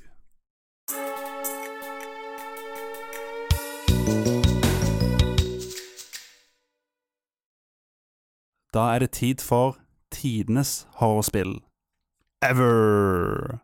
Og jeg tenkte at vi kunne starte med, med din liste, da, siden du er jo faktisk den som er ekspert her på Ekspert, ikke, ikke, sett, ikke sett meg her på Nå, da- nå føler jeg meg eh, Hva det heter for noe sånn um, Jeg vet ikke. Hva det heter for noe sånn Ikke ekspert, men liksom um, entusiast. Ja, ja. Der har du det. Jeg har veldig fors... Det som er at det kan at jeg har noen av veldig sånn typiske standard normie-spill i forhold til hva de, hva veldig mange ville sagt. Mm. Men det er en grunn for alle sammen, egentlig. Sånn for noen av de jeg har som er veldig standard. Jeg har liksom aldri vært, skal jeg si Gamle grøsserspill skremmer meg ikke så masse. Nå tenker jeg PS2-spill, type litt sånne. De er ikke skummelt å spille mellom nå Nei. i forhold til nå, så nå har jeg på en måte gått ut ifra da de siste tiåret for det meste, da, det, på spill. Skal jeg starte med Jeg tar nummer fem først. Ja, vi starter på fem. Vi, vi tar den, vi tar liksom ikke nummer én først. Nei. Det. Nummer fem, så Dette her er spill du faktisk har spilt med meg litt. Oi! Uh, vi, et, vi lagde vel én video på det, eller noe sånt, men uh, Uh, Generation Zero. Yay! Nei, nei tulla. bra, bra spill, det òg. Ja, det men det er ikke Generation Zero. Jeg har ikke den her. Eh, Dead Island 1. Ah. Men det er ikke nødvendigvis fordi spillet Jeg veit at det er mer kan være litt sånn hack and slash på en viss måte. At du kan slippe lett, uh, veldig lett unna. Men de elementene du har med spillet, da du må gå inni trange Inni husa og inni hotell og forskjellige steder, og du har en Du har én lommelykt, og du har et halvslitt ned våpen som du ikke har fiksa på evigheter fordi du har kutta deg mellom 100 andre zombier på toppen av hotellet Ja, ja. og du ser det kommer en svær jævel kommende mot deg, og du bare hører lyder, og du må lyse rundt i forhold til sånn Jeg hater det at du på en måte Det elementet at du Med det at du har liksom begrensa ressurser, men samtidig Jeg vet ikke noe med det, men jeg er veldig glad i Dead Island, for jeg har kjøpt det på alle, nesten alle plattformer som det eksisterer på, pluss uh, collectibles her, så jeg vet ikke hvordan jeg kan beskrive hvorfor. Det er nummer fem, men det er noe med hele verden, hvordan den er bygd opp. Du samler selvfølgelig ting, gjør veldig sånn standard missions. Det er jo en story på dette her, for å stikke fra øya, obviously. Det er jo veldig, veldig basic. Men hele spillet i seg sjøl er veldig sånn Det er kult når det finner nye steder og nye ting, men det er også veldig creepy når det finner nye typer zombier, og at du finner nye måter du må overleve på. Så det er jo egentlig derfor jeg satt der, fordi det er på en måte et spill jeg bestandig har gått tilbake til så mange ganger nå, at jeg jeg har ikke blitt lei det, selv om jeg sikkert har runda det altfor mange ganger. Så finner jeg bestandig nye måter jeg kan spille mellom det mer effektivt, og det skremmer meg like godt uansett. ja. Eh, Jeg, jeg har bare spilt dette spillet bitte litt, men det jeg spilte, var Det virker interessant nok. fordi det vi spilte, kom jo ikke til de verste delene, for etter hvert så kommer du inn i store, store hoteller. Ah. Og der må du da Der er det mørke rom, og du kommer til politistasjoner som er halvveis nedgassa og tåkete og alt mulig sånn, og der er det så mye verre når du begynner å gå rundt, for da Den lommelykta, den gir deg ikke veldig masse lys inn i spillet. Nei. Det er grunnen til at de har gjort det med mening for du har veldig sentralt lys, og du må snu deg rundt hele tida sånn. Mm. Så det er det jeg på en måte Jeg veit ikke hvorfor. Så mange kan si at det er skittspill'. I teorien så burde det egentlig ikke være så høyt eller på lista mi i det hele tatt, men eh, Underholdende spill. det er veldig underholdende, og jeg syns det faktisk det med at du kan rett og slett sette sammen våpen med forskjellige ressurser du finner, og, Ja, det, det og modifisere dem, og at du da kan reparere og kjøpe nye ting og oppgrade At du finner en bedre ting som du kan modifisere dem på. Oppgrade, bare alle de småtinga sånn gjør spillet litt mer interessant i forhold til hele konseptet på det. Mm. Så selv om det er en slags ha sånn hack and slash, bare litt sånn hvis du har gode våpen og går rundt og kutter opp uh, zombier sånn i dagslys, men det snur veldig fort når det blir mørkt og du eh, Så da kan vi ta nummer fire, som er Det er samme developers, men et nyere, bedre konsept på det er jo Dying Light. Fordi der har du faktisk full parkour, noe som Dead Island mangla. Du kunne jo ikke klatre over ting, du måtte gå visse veier, du kunne ikke gå oppover bygninger hvis du mindre var en stega der. Det var veldig begrensa. Dying Light, full parkour, du kan klatre på hvilken som helst bygning, hvor som helst, wherever du er. I, du kan hoppe fra svære bruer sånn 150 meter ned og stupe ned i vannet. Du kan klatre helt opp på toppen der hvis du ønsker. Men nattmodusen på den, har du prøvd å spille det før? på Nei, jeg, jeg har aldri spilt et spill, Jeg har bare sett litt, eh, litt gameplay og For- trailers og sånt for det. Fordi du har en nattmodus, da zombiene Og de blir da på en måte ekstra bumpa opp, så de får alle Så da blir du det Da blir den Da blir den du hunta etter i forhold til at de At du går etter dem. For ellers er det bare sånn ah, Vi kan hugge imellom dem. Litt sånn som det Dial Hack and Slash. Men når natta snur, da blir du offeret dems. Oi. For da, blir send, da får de sånn Litt sånn alien Litt sånn alien-tendenser i forhold til munnen, og hvordan den blir i forhold til at den får kjempesvære sånn Jesus. svære tenner, og de, kan, og de løper dobbelt så raskt som deg, kan hoppe over alle bygninger. Det har ingenting å si hvor du går. Eh, hvis du lokker deg inn i et hus, så kommer de etter deg inn i et hus på natta. Og de har supergode sanser, og det, du kan sprinte fra dem og snu deg bak, og du kan se at de løper etter deg da med slags gule øyne og svære alien-aktige kjefter med flere Kjeven er dette helt ned, og det er helt uh, Du får masse bonuser for å gjøre det, men jeg må helt ærlig innrømme at um, jeg har kanskje stått inne noen minutter og venta til natta er over på spillet, bare for at det skal bli over. Fordi det er veldig skremmende, for du har bare én lommeløkt, og du kan som sagt hoppe hvor du vil fortsatt, men de kan også hoppe der du gjør, bare at, de er, bare at de er dobbelt så raske som deg. Jesus. Så du blir, eh, du blir den som blir jakta på over hele natta, og det er like lang natt som det er dag, så det er ikke noe sånn liten fun, liten ride. Du må eh, Har du fått noen etter deg, så, så kommer det ti stykker etter deg. Hvis du har aktivert en, så, eh, så merker de at noen andre beveger seg. Så det er uh, et spill som er verdt å spille, fordi uansett om det er på dagen, så om det parkour på noe sted, så veit du at det er noen som kommer etter deg, og lyden i headsetet hører du det bak deg da, og du får litt sånn panikk med at du må klatre opp en stolpe eller opp en vegg fort før de tar tak i deg og dreper deg. Jeg hater den følelsen at det er noen som jager etter deg, da. Nummer tre er rett og slett um, Layers of Air 1. Uh, toeren kom ut for litt siden, jeg spilte mellom det. Det er helt decent spill. Det er ikke det beste. Det, de forandra Det er en mekanikk de putta inn i som ikke jeg var veldig fan av. Og det var den, den mekanikken som jeg ikke likte med det å følge etter. Eneren hadde var veldig psykisk, så at alt på en måte du Det var ikke noen som fulgte etter deg. Du måtte ikke ta en viss frekvens-ting og- for å klare dette her. Men toeren hadde altfor mye av det, og derfor ble det ikke på lista. så eneren er basically du følger en maler som gjenopplever livet sitt via minner med å gå imellom en slags marerittversjon av han, hvordan han så for seg alt, og hvordan ting foregikk i huet hans, og det er et weird spill. Ting Rom forandrer seg, hus Huset forandrer seg, ting bare popper opp foran deg, hendelser skjer som på en måte Som at han låser seg inn en, Som en gærning låser seg inn i hus, basically, og bare bare gjenopplever alle feila han har gjort 30 år etterpå. Så det er veldig Det er ikke jumpscare-spill på den måten. Det er to jumpscares, to-tre jumpscares under hele spillet, og den ene gangen da Det tror jeg er det verste jeg har hatt noen gang. Det, og det var en, en jumpscare jeg ikke forventa, som var veldig effektiv, men veldig ikke Da husker jeg at da stoppa jeg å recorde, faktisk, etter den. Da tok måtte jeg en pause på min, for da klarte jeg ikke å spille mer. Da var jeg ikke fysisk i stand til å spille mer.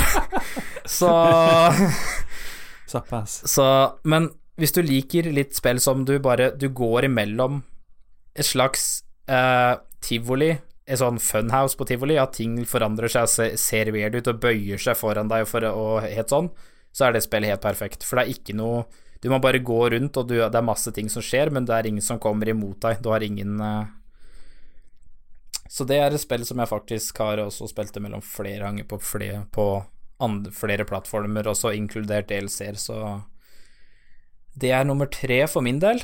Uh, åh, nummer én og to, det er så vanskelig nå, for disse her er så forskjellige. Åh, Ok. Nummer to så kommer jeg antageligvis til å sette et spill som alle, eller mange, har spilt. Oh. Som det kommer en toer til etter hvert nå snart, eller som er Det er eh, Knack 2. ja, Knack, ja. Knack 2. Akkurat Knack 2. Det er et forferdelig grøsserspill. Uh, det er Last of Us. Mm. Grunnen til at jeg ikke setter det på én, er for hovedsakelig at det ikke er reint grøsserspill ut ifra hva det er, men det er jo hoveddel Er ikke de clickersene ganske skumle, da? Åh, de er freaky som juling når de er inni Og i hvert fall hvis du er inne i litt mørkere rom der du stuper ned, eller at du er inne i en butikk, og det er to-tre clickers som går rundt der, og du må snike deg rundt, og hvis du dunker borti en blekkboks, så kommer de mot deg og bare ok.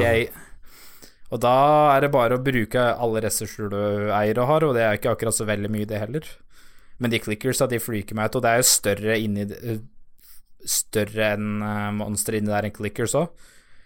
Som også er veldig, men eh, det er det spillet Jeg vet ikke, altså Det er jo veldig mange som liker det spillet, og det er veldig kjent fra at det er et godt spill. Og storyen på The Last of Us, uh, det er skudd. Storyen og voice-actinga inni der, og animeringa, hvordan de rett og slett animerte hele spillet, er veldig Jeg er veldig opptatt av landsk... Jeg er veldig sånn landskaps- og at naturen ser fin ut rundt karakterene. Det er ikke nødvendigvis at storyen kan være en kjempebra story, men hvis jeg ser at alt visuelt ser forferdelig ut, så samtidig altså mister jeg litt av det, så jeg er mer sånn helt At jeg må på en måte ha alt miljøet rundt karakterene også. Så det spillet har jo Har du prøvd det spilt imellom det? Jeg veit jo at det er gratis nå. Jeg har ennå ikke fått spilt gjennom det spillet, men det skal jeg gjøre nå siden det er gratis i PlayStation Plus. For da får du også med DLC-en. Ja. Som uh, Den er også helt fantastisk. Den er uh, utrolig bra. Jeg har spilt um, introen Mhm. og bitte litt etter det av spillet. Det er det jeg har spilt. Det er eh, ganske, ganske tung intro.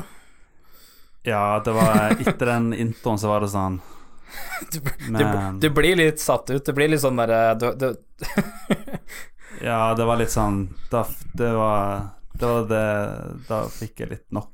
det, er litt, det er litt sjokkfaktor. Jeg vet det er veldig mange som reagerte på det når spillet kom ut. Da folk begynte jo å grine og blei ganske bombed, bombed out, og det blei veldig sånn satt ut at de følte ikke helt for å Den blei veldig Vet du hva, jeg mener at vi jeg, det, det er så mange år siden spillet kom ut, men jeg, jeg mener at du spilte introen, og så var det sånn det var sånn Wow, skal vi spille noe annet?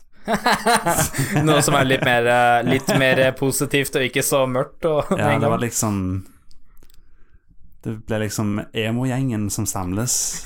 Så det ble, det ble, det ble litt sånn stemning for alle.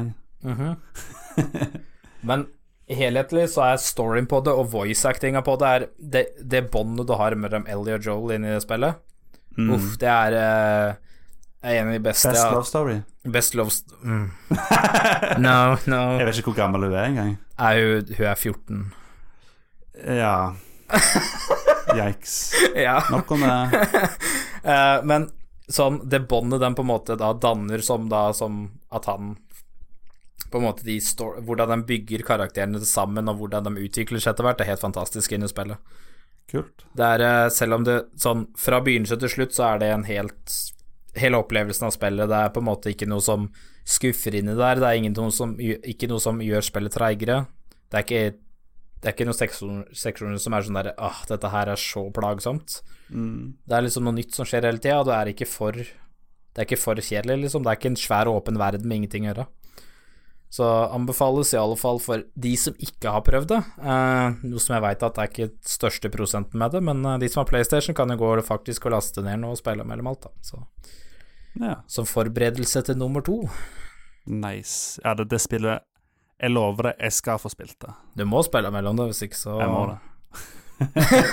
det virker det, det jeg har spilt av spillet, var jo amazing, så jeg kommer nok til å elske resten av, tro. For jeg likte hvordan bare alt så ut på PS3-versjonen.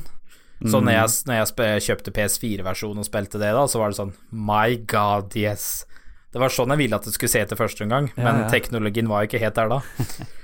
Så det havner på min andreplass. Nummer én er Oi, Hva kan dette her være? Hva er det som overgår The Last of Us? Nei, men nå Jesus Christ, nå er jeg spent. Nei, men nå er det litt mer tell Telltale, Nei, ja, Telltale-spill, ja. Walking Eh, Dead. Walking, sesong én, Walking Dead sesong Nei, sesong, eh, sesong to. sesong Hva var den siste, var da? Var det fem? Tre? Fire? Det sånn heter The Last Season, er det sånn som heter? Ja. Nei, det er ikke Telltale-spill. Okay. Det er uh, rett og slett The Final Season, tror jeg den heter, den siste sesongen. Heter den Ok. Jeg tror den heter det. Selv om det skal komme mer. Whoopsie. Whoopsie daisy.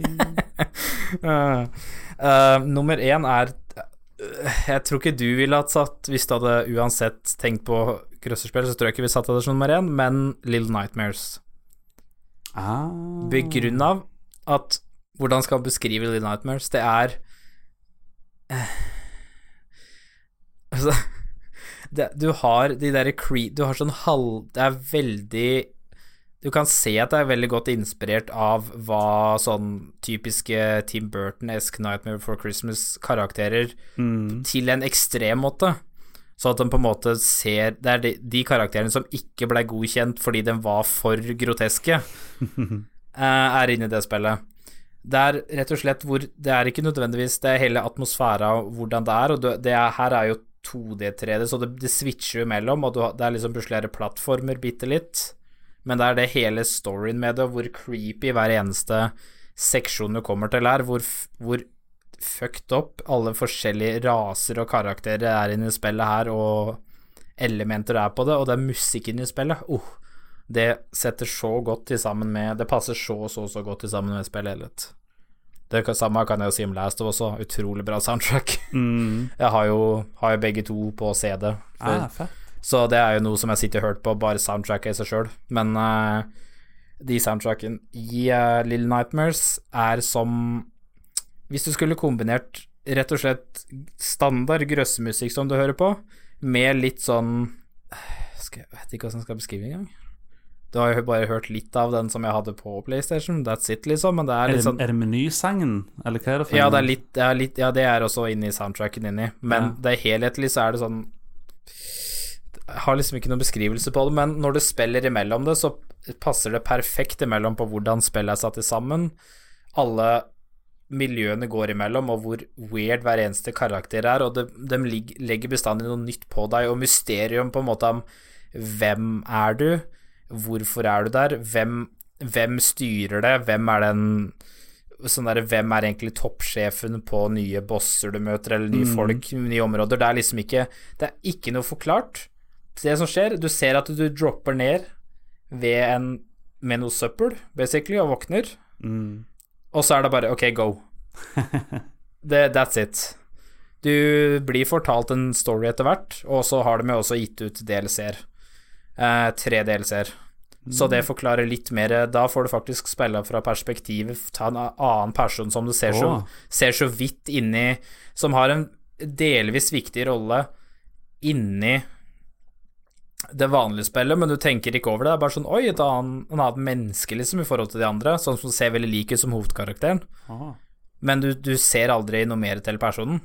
Så det er litt sånn Du ignorerer personen litt, for den er ikke veldig i fokus. Nei, nei. Men uh, alle de tre DLC-ene er basert på den karakteren, og da ser du det fra den andre sida, så da møter du faktisk main-characteren fra det første, så det er eh, Det er en veldig stor, åpen verden der de på en måte du, De adder på nye ting, men alt Alt gir mening, men ingenting gir mening.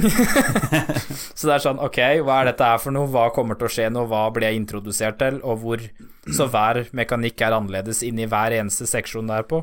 Det kan være til at du må bare snike deg rundt og gjemme deg fra noen som har lyst til å spise deg opp, og som spiser alt mulig og bare har lyst til å drepe deg, til at du må snike deg rundt og rett og slett komme deg unna en, en creepy vaktmester som er blind, og forskjellige ting som har eh, unormale lange armer. Det er ekstremt uh, I et bibliotek der det eneste han reagerer på, er lyd. Så all lyd du lager ekstra, er, eh, så er sånn supersanser på den. Så alt sammen på en måte i helhetlig gir null mening hvis du starter å spille det.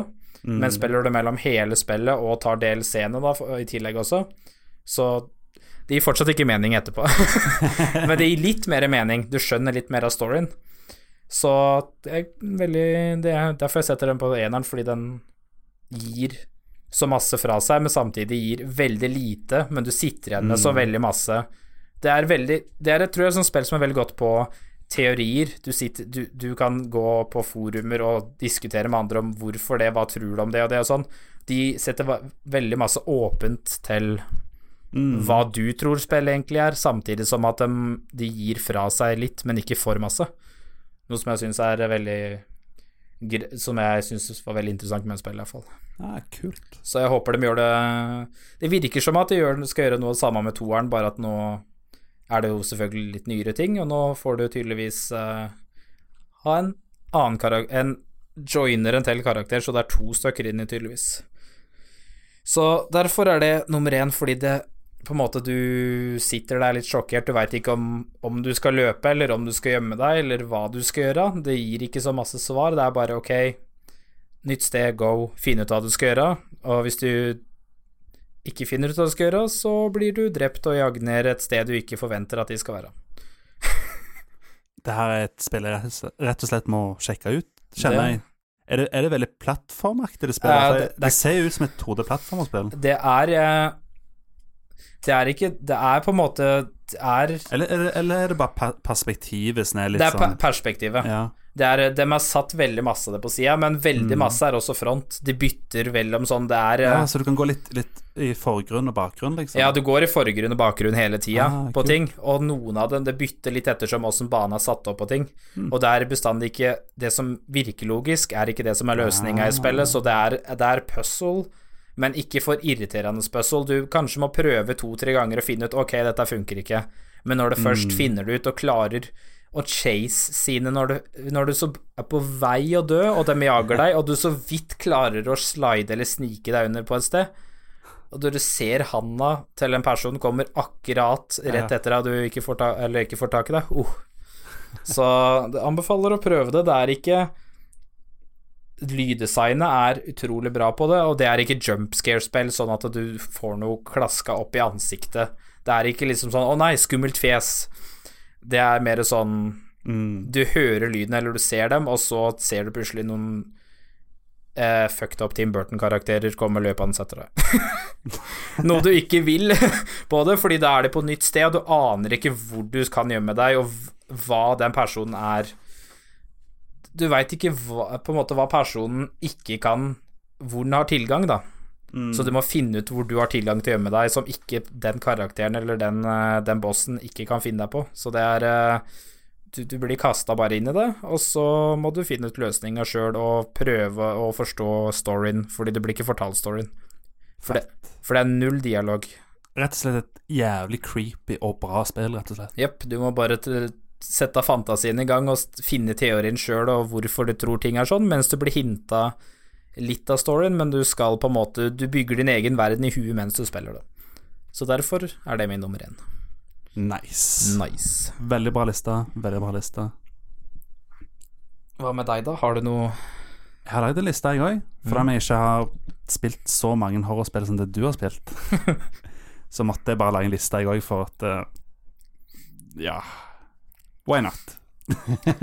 Er din liste da, er det fra det siste tiår, eller går vi tilbake 20 år og Her går vi gjerne tilbake 20 år, ja. var det jeg tenkte, det er vel ikke mest uh... Nei, altså, jeg tror det er ingen av disse spillene som er 20 år gamle, men det er noen som er nesten 20 år gamle. Ja, mellom 10 og 20 mellom der. Det er ikke siste Ja, her er det sånn Jeg holdt på å si uh, mellom 5 og 15 år gamle spill. En god blanding, da. Yes. Jeg tenkte jeg skulle ta en honorable mention. Mm. Tenkte å, ha et spill jeg, jeg vil ikke Grunnen til at jeg har, det som honorable mention, er fordi at det er strengt tatt ikke et horrorspill, men jeg hadde en ganske ekkel følelse når jeg spilte det, da. Mhm. Og det er Everybody's Gone to the Rapture. Å ja, det har jeg også spilt. Det er jeg helt enig. i. Det, det er sånn derre Jeg elsker sånne spill. Mm. Sånne Det er det jeg mener med landskap igjen. Walking Simulator. rett Walkings. Ja, ja, ja de, de har også lagd et annet som heter noe med Edith eller noe sånt. Ja. Og der er det mer tilbake i tida. Og du går imellom Det ser ut som norske fjell. Det anbefaler jeg også hvis du liker sånn, så er det noe å sjekke ut. Det er, eh, det ut. det, det er veldig bra. Det er storyen på det. Du blir fortalt litt story, Mm. litt der og der, men du må finne det, utforske det sjøl. Hvis ikke så får du ikke noe story på det. Mm, og så er det veldig creepy atmosfære. Japp. Mm. Så det, det, er ikke, det nådde ikke topp fem for min del, men det, det er på lista på gode spill. Det er det. Mm. Jeg følte det var liksom Det var liksom Det er Generation Zero bare uten gunnerne. Jepp. Det, det er litt mer, litt mer slow-paced, mer utforske og på en måte nyte landskapet mer, uten Mm. at det er masse roboter og våpen uh, som du må samle opp. Mm. Ja. Fantastisk spill. Mhm. Absolutt. Men ja, min nummer fem, det er Dead Rising 2. Uh. Og det finner du da på PC, PlayStation 3, PlayStation 4, 360, Xbox På veldig mange konsoller, da. Så eh, ja. Bare et veldig kult spill. Og det du sa med å kombinere våpen og sånt, Mhm. Det har du mye av i Dead Rising. Japp, det har du. Og eh, ja, nå har ikke jeg spilt dette spillet her på sånn ti år. Men det, jeg husker da jeg spilte dette spillet her, var utrolig gøy. Det var et veldig kjekt uh, zombiespill. Det er det. Der du slakter Slakter zombier med shit du finner i et kjøpesenter. På veldig, veldig mange morsomme måter. Det er Ja. ikke Det er ikke et jumpscare-grøsserspill, det er mer, mer sånn fun-grøsserspill. Sånn Mm. Sånn kos eh, Men, horror. men toeren, det er det beste av dem. Ja. ikke, har du prøvd de andre? Jeg har prøvd det første og Altså, én av to det er det jeg har prøvd. Ok, fordi jeg, Ja. Stopp der, ikke gå videre. Du kommer til å bli, du til å bli skuffa. Ikke ta, ikke prøv å spille fireren engang. Ja. Det Treeren, det, du kan Ja. Det er mediocre. Fireren er trash. Ikke, ikke rør de spillene. Nei, ok. Nei, for jeg, jeg husker liksom at det, folk slutta liksom litt å snakke om Dead Rising etter toen, føler jeg. Det var liksom ikke like populært etter det. Anbefaler ikke. Ok. Men toen og for så vidt én òg var Mhm. veldig bra spill. Min nummer fire er et spill som jeg husker ganske mange ble skuffa over for at det ikke var nok horror i det. Og det er Resident Evil 4. Stemmer. Og um, Ja, dette spillet finner du på alt. Til og med brødristere kan, kan kjøre dette spillet her, så Switch, PS4, Xbox, whatever. Det, you'll find it. Men det kom jo originalt på GameCube, og senere PlayStation 2. Og jeg spilte det på GameCube. Og jeg husker at det spillet her var så jævlig skummelt. I alle fall når jeg spilte det på natta. Og det er jo som alle andre Resident Evil-spill uh, uh, Eller det er litt annerledes, da, for det er zombier, men det er, kind, det er sånn halvveis zombier du, du, eh, du slåss mot. Mhm. Så det er litt, litt annerledes enn de andre spillene på akkurat det. Men allikevel, det, det er zombier, sier vi. Så det, det, det er et zombiespill der du håper å si eh, Skyter deg gjennom de i en uh, europeisk uh, landsby. Og der du skal redde da uh, dattera til presidenten. Går går går jo spillet ut på da. Og har du spilt dette spillet her, Joakim? Mhm. Det er bare veldig lenge siden jeg spilte. Ja. Det, jeg spilte det igjen på Wii, faktisk. Ah, okay. Men siden det så har jeg ikke spilt det. Men det absolutt så håper jeg at dette her er et spill de remaker. For de har jo gjort det de, med noen spill nå med Resident Evil, og så igjen Mm. remake av noen spill. Så satser på at de tar det på lista. Du ser for deg uh, Resident Evil 4 i, uh, i den der uh, Resident Evil 2-remake. Uh, Ja, det er det jeg tenkte. Herregud, så kult det hadde vært. Det hadde vært noe. Åh, please, give it to me! Kommer, til, kommer til next gen, vet du. Åh, please, I need it. Men ja, det Folk som sier at det her er ikke et skrekkspill Gå og legg deg. Det her var skikkelig skrekk når jeg var Hvor gammel var jeg når dette spillet kom ut? Sånn, jeg tror jeg var sånn 12 eller noe. Mhm. 11-12, maybe. Kanskje 12? 12-13? Jeg vet da faen. 12, sier vi. Og ja, jeg var, jeg var redd. det var eh, Og veldig gøy òg. Det var det som For jeg hadde spilt Resident Evil 0 og 1 på GameCube. Og dette, dette var spill jeg eh, likte ganske godt, men Håper å si Gameplay-messig så syns jeg ikke at de var så bra. Men så kom Resident Evil 4, og det var kjempegøy å spille, sånn gameplay-messig. Mm. Så uh, Jeg tror kanskje det er derfor folk følte at det ikke var like mye skrekk som de andre spillene. For Ja. dette, dette var jo et spill som du faktisk kunne styre uten å irritere deg over kontrolleren. For i det originale Resident Evil så var det jo ofte at det skumleste spillet var at eh, var eh, å greie å kontrollere seg vekk fra zombien. Ja, Det, det, var så kronglete kontroll. Det var sånn Åh, jeg greier ikke å kontrollere karakterene mine.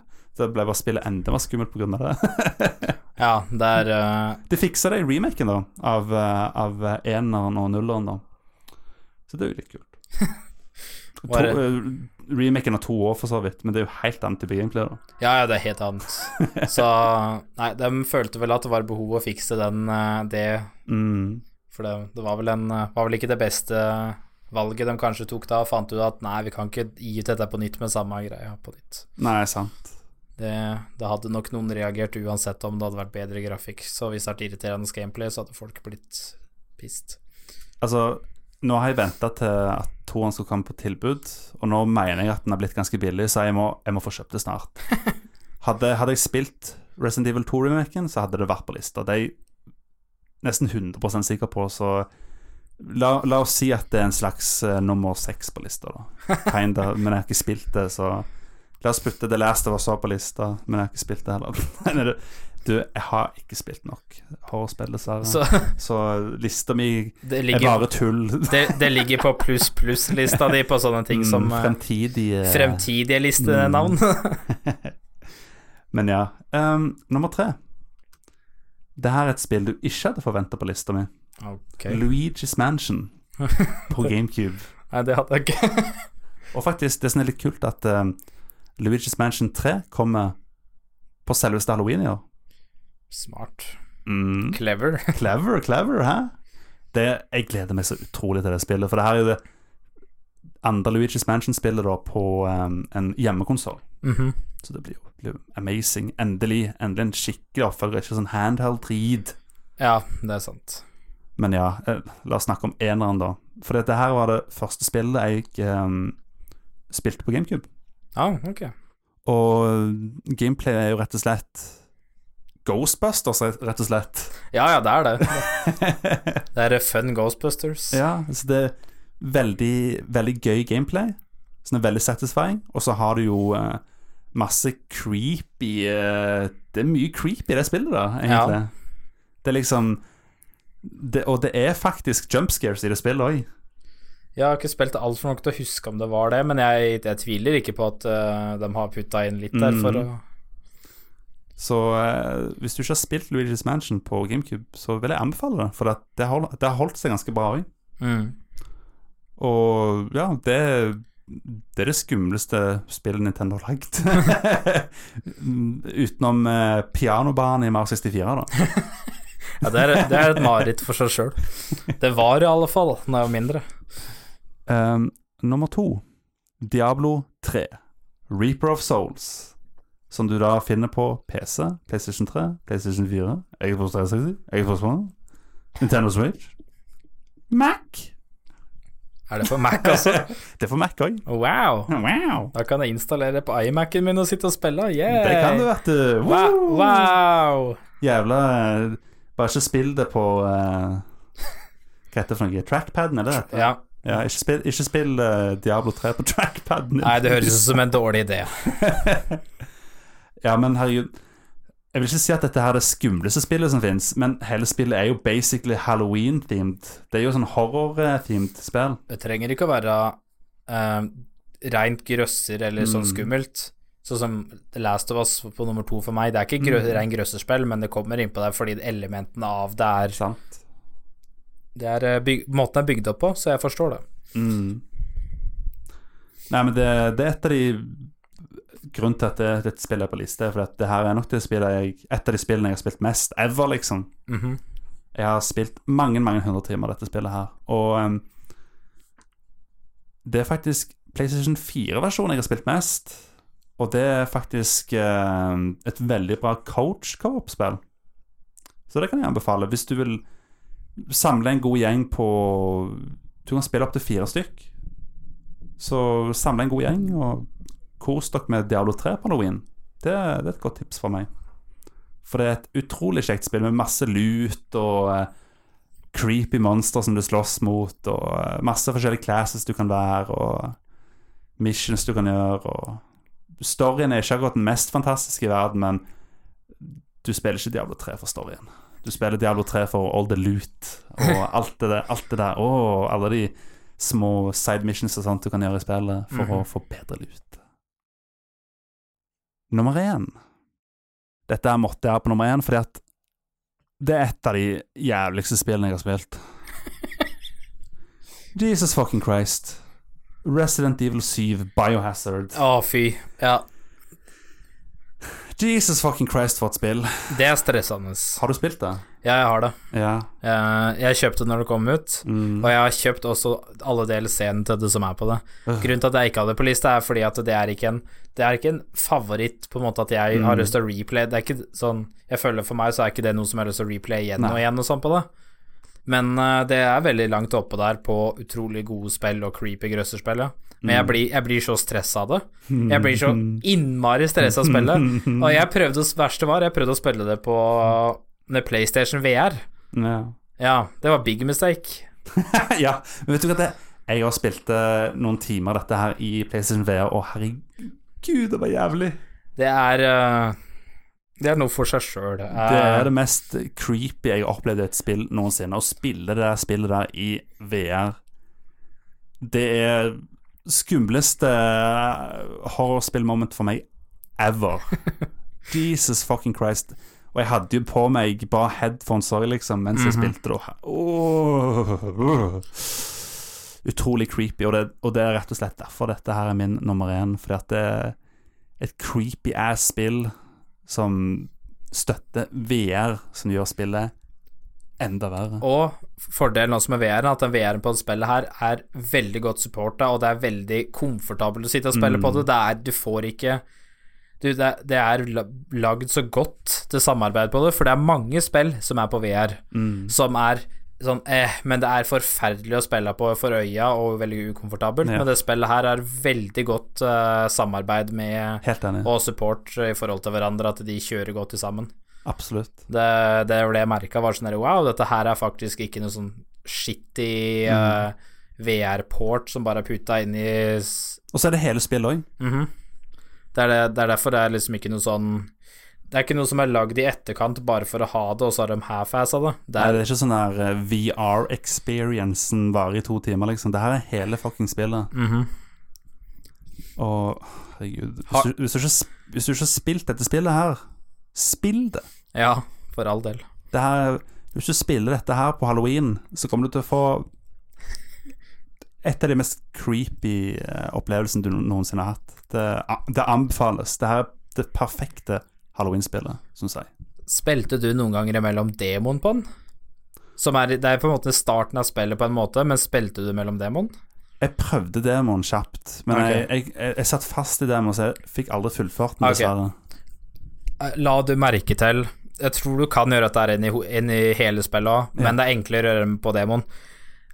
At uh, hun jenta eller kjerringa som du på en måte går og ser etter inni, hvis du går inn i visse rom, Mm. Ja. så spåner hun opp og står inni hjørner og henger opp ned opp i tak og kikker på Oi. deg og sånn. Nei, Det er fucky som faen. Du starter når du går inn i hus og filmer og sånn, liksom.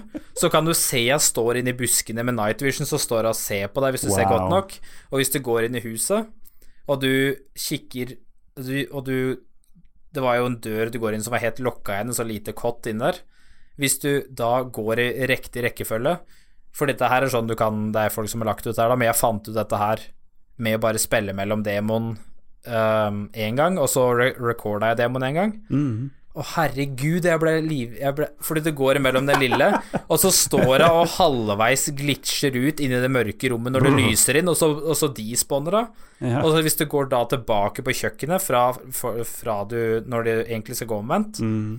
Så kan du kikke opp, så henger hun opp ned og glaner på deg, sånn død, ned fra taket mellom en åpning der.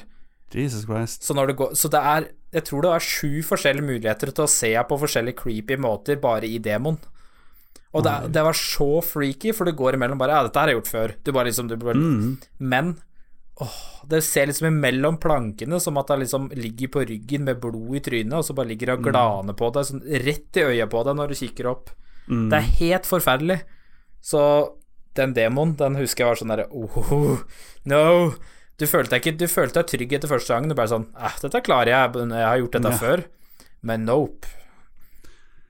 Det er jo, det er jo trist at uh, PT ble kansellert. Å ja, Ja, det var det jeg skulle si. PT Men jeg føler at Resident Evil 7 tok over hvor den slapp. Mm. det, Men var, det var akkurat det de gjorde. De bare tenkte OK, PT kommer ikke til å bli lagd. Vet Og, du hva? og det, så mange, det var så mange som ville ha PT, og fortsatt vil ha det. Du, det er jo så mange som har blitt Har fått havna i problemer, for de er gjenskapte og lagd nesten Stemmer det. Og det var det ikke en som ble ansatt i det der firmaet også, fordi han lagde Jo. en remake eller sånn av det så godt, Ja, ja, eller så bra at de Faen, faktisk, han var jo 18 eller 19 år eller noe sånt, tror jeg. ja. Og han bare ja, 'Vil du jobbe med i Vil du jobbe i studioet vårt med spillene våre?' Det var bare sånn What? Men det, det Jeg spilte mellom hele demoen uh, sånn og gjorde alt sammen og fant ut. Mm. Men herregud, det åh. Dessverre så er ikke det tilgjengelig mer da på PlayStation Network for å laste ned. Jeg er skikkelig skuffa. Men Det- vi har i alle fall Resident Evil 7 istedenfor. Mhm. Så det Jeg føler at det er ikke det samme, men det er en jævlig bra consolation price, syns Yep. jeg. Det er det. Så de to eh, de er, Det er det jeg første jeg tenkte på når jeg starta, når jeg starta Resident Evil, Mm. og den demoen var og sånn. Så jeg bare Oh my god, dette her er bare en annen versjon av PT. Så de, hvis fortsatt Jeg veit ikke om Resident Evil-demoen er tilgjengelig ennå, men hvis den er det Alle som har lyst til å prøve det, bare spille mellom demon mange nok ganger, og gå tilbake og gå opp trappa istedenfor å gå ned der du skal, eller bare Når de sier gå tilbake ting, hør virkelig godt etter lydeffekter. Mm. Ha, hvis du har et godt headset på deg, hør etter et lite knirk, og hvis du da snur deg rundt og kikker rett opp, så kan hun ligge mellom noen ødelagte planker og glane på deg, død oppå taket. Det er så mange muligheter der, så du kan bli freaka ut, og du føler deg utrygg. Så det, hvis man har lyst til å bli skremt uten å betale noe for hele spillet også, og for å få en annen opplevelse, for jeg har ikke spilt det mellom introen på hovedspillet så mange ganger, så jeg regner med at det er der. Men demoen er en veldig god måte å bli introdusert på det og utforske sånn, fordi det er helt uh, sykt. Så folkens, spill demon også. Jeg tror, den også, jeg tror den er tilgjengelig fortsatt på PlayStation Store, som jeg veit om. Om den er på andre steder, jeg regner med at den, at den er også tilgjengelig da på Xbox og litt sånn forskjellig også. For det er vel ikke noe eksklusiv eh, til PlayStation, det spillet, så da Nei. Så uh, hvis du ikke finner demon, så Så får du bare spille mellom introene igjen og igjen. For eksempel. Også et annet spill som jeg bare vil se veldig fort, som eh, Det er ikke noe som havner på en av noen av listene, men som vi spilte i sammen, vi to. Det var jo Blair Witch. Ja, vi har jo spilt uh, to timer av uh, Starten av Blair Witch. -hmm. uh, Basert på Cult-filmen The Mm. Blair Witch Project. wow. Mhm. Så um, Jeg lasta ned dette spillet dagen det kom ut. Jeg kjøpte jo det lasta ned da, og så tenkte jeg sånn Å, jeg skal få spilt det. Så, så endte jeg opp med å gjøre det med deg her, da, sånn to og en halv uke etterpå. Men eh, det er eh, Det virker som et spennende spill, i helhetlig. Absolutt. Så- det, er et creepy ass spill Mhm. som Hvis du liker horrorspill, så tror jeg det er verdt å sjekke det ut. Det er ikke så veldig langt spill, men det er heller ikke så dyrt heller. Nei, det er, det er helt decent price. Tror jeg betalte litt over 200 kroner for det. Mm. Um, Og forresten, du får Resident Evil 7 òg for under 200 kroner nå, så um, så gå og kjøp de.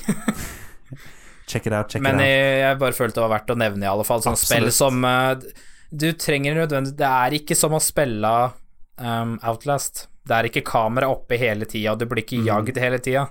Det er veldig creepy elementer. At du går litt rundt. Det er litt som walking simulator blanda med god atmosfære i spillet, og storyen er veldig Den er spredd utover, og du må tenke litt på Mhm. Det er en god blanding. Så Og så har du en søt doggo som du kan klappe. Åh, jeg petter doggo. Men du kan også få den til å bli ganske aggressiv mot deg, tror jeg. Men vi gikk ikke den ruta. Vi, vi, vi tar vare på dyra våre. Det gjør vi. Vi tar alltid vare på dyrene våre i spill. Også i real life, forresten. Og hvis du kan pet, hvis du kan pette the doggo, you pet the doggo. That's true. That's Så jeg, følte det var, så jeg følte det var verdt å i hvert fall ta med som et spill som, hvis du liker rett og slett litt forvirrende spill, for du viker rundt i lang tid mm. i rundt sirkler igjen, ja, men det er en del av spillet at du skal bli forvirra og bli litt uh, mindfucka med det, men helhetlig så Mm. Bare liksom følge litt instrukser eller hva noen sier, og følge ekstra godt med på litt samtaler der, er veldig viktig. Hvis ikke så blir du stående fast i en, en god stund.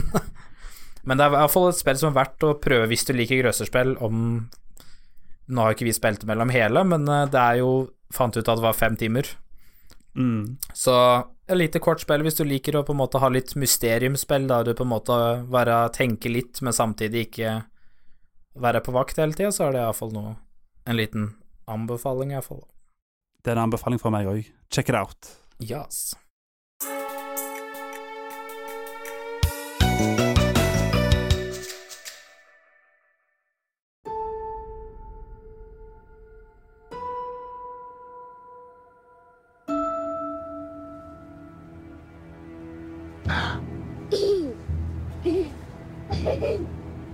Stop bothering my kid? Sorry. Arthur, I have some bad news for you.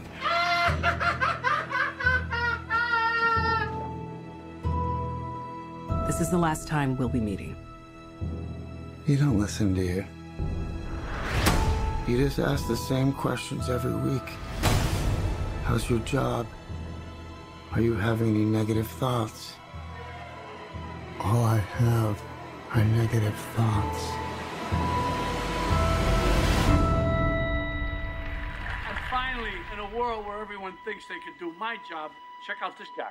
When I was a little boy and told people I was going to be a comedian, everyone laughed at me. Well, no one's laughing now. You can say that again, pal.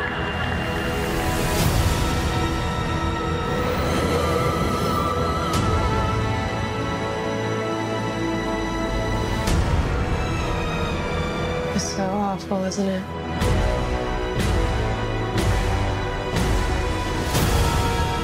For my whole life, I didn't know if I even really existed.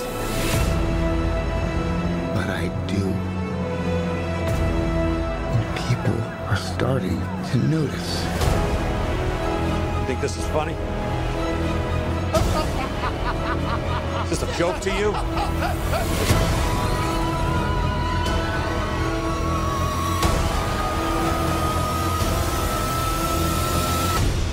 Uh, Murray, one small thing. Yeah. When you bring me out, can you introduce me as Joker?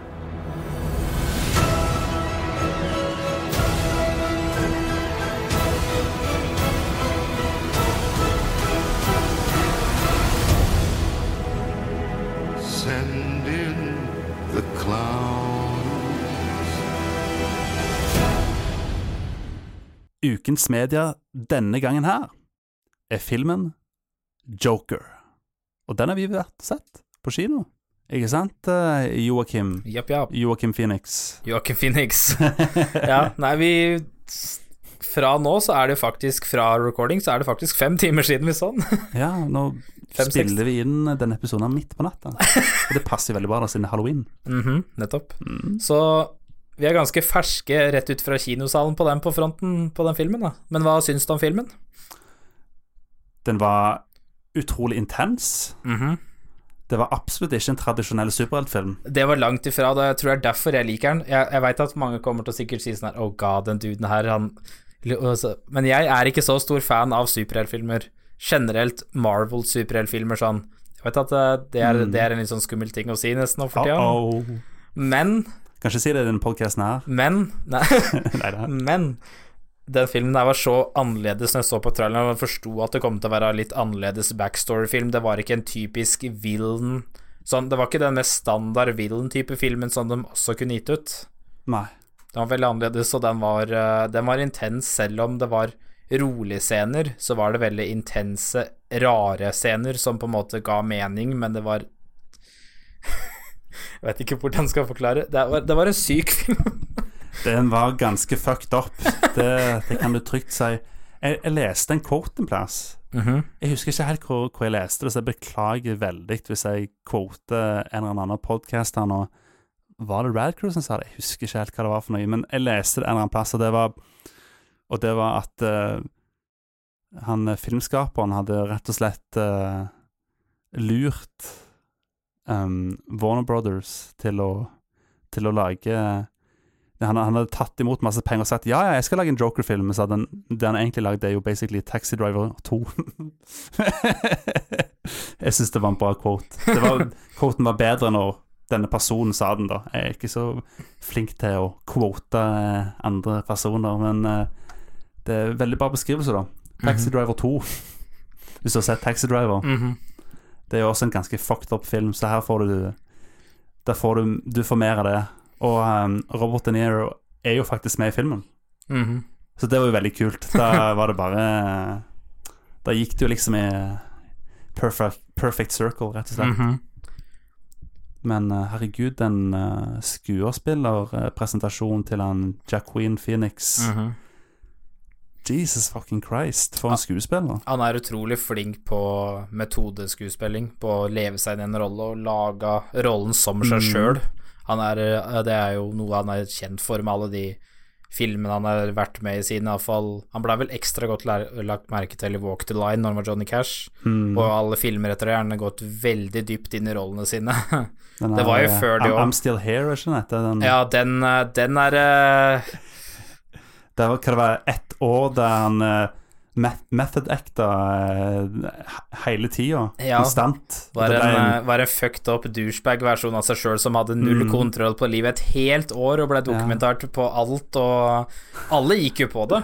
Absolutt alle gikk på det, sånn helhetlig, så det, er jo, det, er jo, det er jo en mockumentary, da. Ja, det er jo det. Men det, han går jo så sykt Han gikk jo så sykt inn i denne rollen her at det er jo basically en dokumentar om en Mm. fyr som er altfor method, eh, rett og slett. Ja.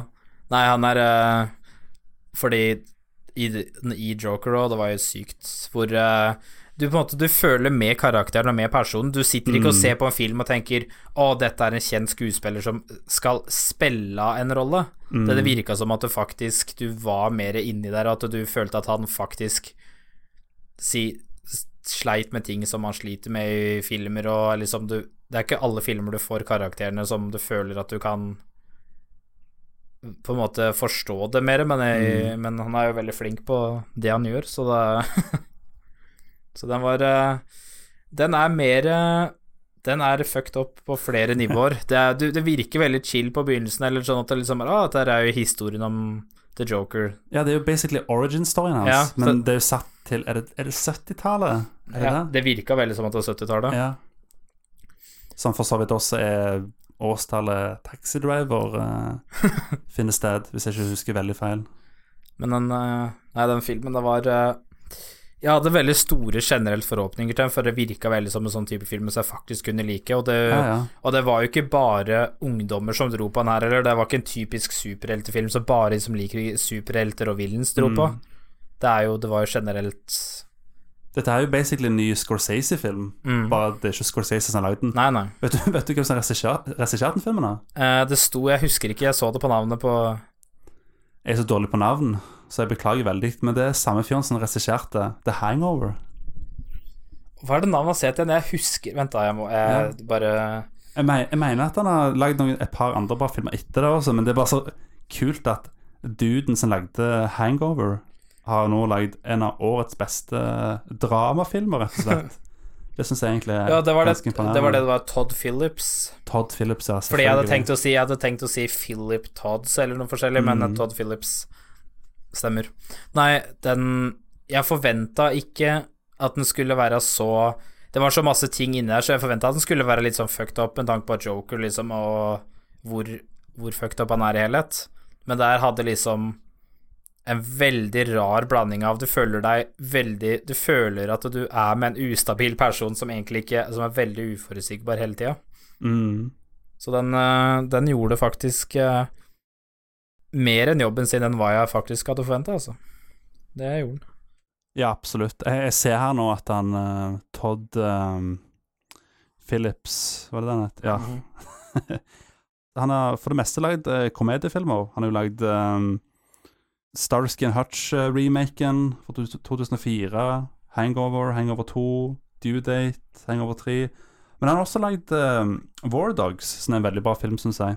Mm. Og det er jo en uh, slags dramakomedie uh, basert på sann historiefilm. Er, det er faktisk en genuint bra film, liksom. Så jeg uh, Etter den filmen så merka jeg at han, denne regissøren her kommer til å lage flere bra filmer, liksom. Mm, det er veldig Veldig eh, Det viste veldig potensial, og jeg tror det er derfor han fikk Ja. jobben til å lage Joker òg, etter den filmen. Da. Nei, jeg, altså Hvis det hadde kommet noen lignende film, hvis det ikke nødvendigvis Joker 2, da Mm. Men det er jo bare backstoryen til Joker, hvor, hvorfor han ble Joker. er Det er litt Ja. interessant helhetlig. Men uh, hvis det hadde kommet noe lignende med en annen karakter som virker litt Mm. interessant, selv om det jeg ikke er superfan av superheltfilmer i helhet, eller villains eller noe sånt, så hadde vært noe jeg hadde vært og dratt og sett på, for jeg likte hvordan han var uh, Mm. var veldig sånn Jeg satt hele tida og fulgte med. Jeg tok ikke også på en måte bare du- dubba av eller bare kikka vekk eller tok opp telefonen eller sånn på noen måter. Det var bestandig Det var veldig interessant på en veldig rar måte.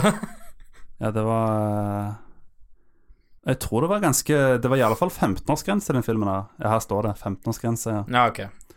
Så eh, det var Det var en inten, intens film. Mhm.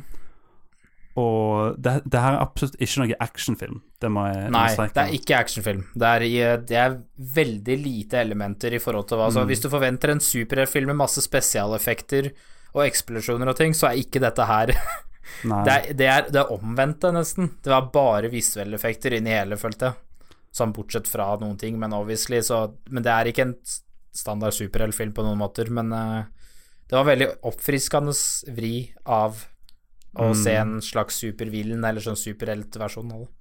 Ja, det her er basically en ny sånn um, god dramafilm, som, slik som de lagde på 70-tallet, liksom. Mm. Basically. Så det er jo kult at filmen er jo satt Satt i det samme Samme tidse, tidsepoken som også um, det filmtekniske også er blitt in inspirert av i den filmen her, da. Mhm. Det, det syns jeg er ganske kult, da. Så jeg vil i hvert fall anbefalt å se den filmen. Jeg veit at det er veldig mange som sier det, at de anbefaler se den, se den, for den er veldig bra sånn. Mm. Men uh, sjøl ville jeg altså sagt gå og se den. Absolutt. Gå og se den. Du trenger ikke å- sånn Du trenger ikke å like superhelter eller noe sånt joker-ting egentlig så veldig masse Nei. til Altså, vi, vi dro på kinoen, og vi mo, Mammaen min var med. Ja, er, er hun noe glad i superhelt? uh, Nei, nei, hun, ikke, hun ser ikke på noen superheltfilmer på noen måter. Hun veit hvem jokeren er, begrunnet at det er liksom Alle vet, Ja, all. Mange veit jo det, uansett. Mm. Men hun er ikke noe superheltfilm som fan. Hun ser ikke på noen av dem. Hun bryr seg ikke så veldig noe om The Marvel-tingene og. Mm. Men hun ville virkelig se den filmen her. Så det, det virker veldig annerledes. Jeg tror den er, gir et veldig annet sånn inntrykk i forhold til at det er eh, Mm. Det er ikke en standard action, masse spesialeffekter og villain versus bad Eller sånn good guys versus bad guys-type film. Så Absolutt. Jeg, vil- jeg vil si at det her, det her tok den samme ruta som Logan gjorde, bare at de har gjort det enda mer ekstremt på det der eh, fokusere på drama i en superheltfilm. Har du sett Logan, forresten? Ja. Du, du, fantastisk film. ja, det er det. det, er det. Mm. For her gikk du med veldig inn i også på en måte hvor så fucked up sånn hvor huet du kan bli, eller hvor, hvordan du blir Ja. oppvokst og ja, ja. Ja. Så det her er jo veldig Ta liksom det inn i tillegg som fikk det til å bli enda mer ukomfortabel, og du følte liksom med personen at du, Mm. du syntes synd på han, men samtidig så var det sånn derre Det gjør det ikke samtidig, men det gjør det litt. Det er sånn ah. Ja. Så jeg ville iallfall anbefalt å sett på den hvis du skulle se på noen filmer som er nå, så bare få med deg scenen. Du trenger ikke å like superhelter eller Joker eller noe sånt, men helhetlig som film, som standalone-film, så er den verdt å se. Absolutt. Få det sett. Fantastisk film. Jeg jeg er ganske sikker på at uh, Jacqueline Phoenix kommer til å få en Oscar for den rollen. Han må det. Ja, vi, ja, herregud. alt inni der, bare fra hvordan han oppfører seg, hvordan Hvor fucked up han så ut, sånn hvordan generelt hele Fra hvordan han bare bare liksom bevegde seg til av hvordan han oppførte seg mellom hele til hvordan han prata med alt, var bare veldig utrolig godt gjennomført. Så jeg forventa nesten ikke noe mindre fra han heller, men eh, det var, eh, var veldig intenst fra å være en så rolig film på den måten. Mm. Så det Det pleier ikke alle filmer å gjøre så godt hele tida. Jeg hadde aldri trodd at uh, en Joker kommer noensinne til å bli like bra som Heath Ledger, men Dude, he fucking did it. Ja, det er minst like bra. Ja, det, det er jeg helt enig i. Den er, det er på samme nivå på det, men det er, en, det er jo en annen Ja, du, får, du får liksom ikke sett på Batman, så ser du liksom Du ser jo ikke Nei. hvorfor, men her du viser en så Mm. menneskelig side av hvorfor, liksom, sånn på den måten at det er bygd opp Ja, han, han, han føles så menneskelig ut. Ja, det er sånn Du følte at det kunne vært Du følte at du det kunne vært i føttene hans og slite med de Ja. tinga som da liksom han sliter med. Det er helt eh, Nei, det er eh, Det er eh, ekstremt bra film, iallfall, så det Om du har lyst til å bli skal jeg si litt, eh, litt satt ut eh, samtidig og, og føle at du er i føttene til noen, og nyte en god film som ikke har Ja. et budsjett på flere millioner begrunna spesialeffekter og slåssing, så Mm. Det en, en film slik de lagde det før, føler jeg. Sånn in the good old days. Mm. Og um, jeg, jeg vil bare avslutte med en liten ting, og det er rett og slett Please, la Todd Phillips få lov til å lage en Batman-film.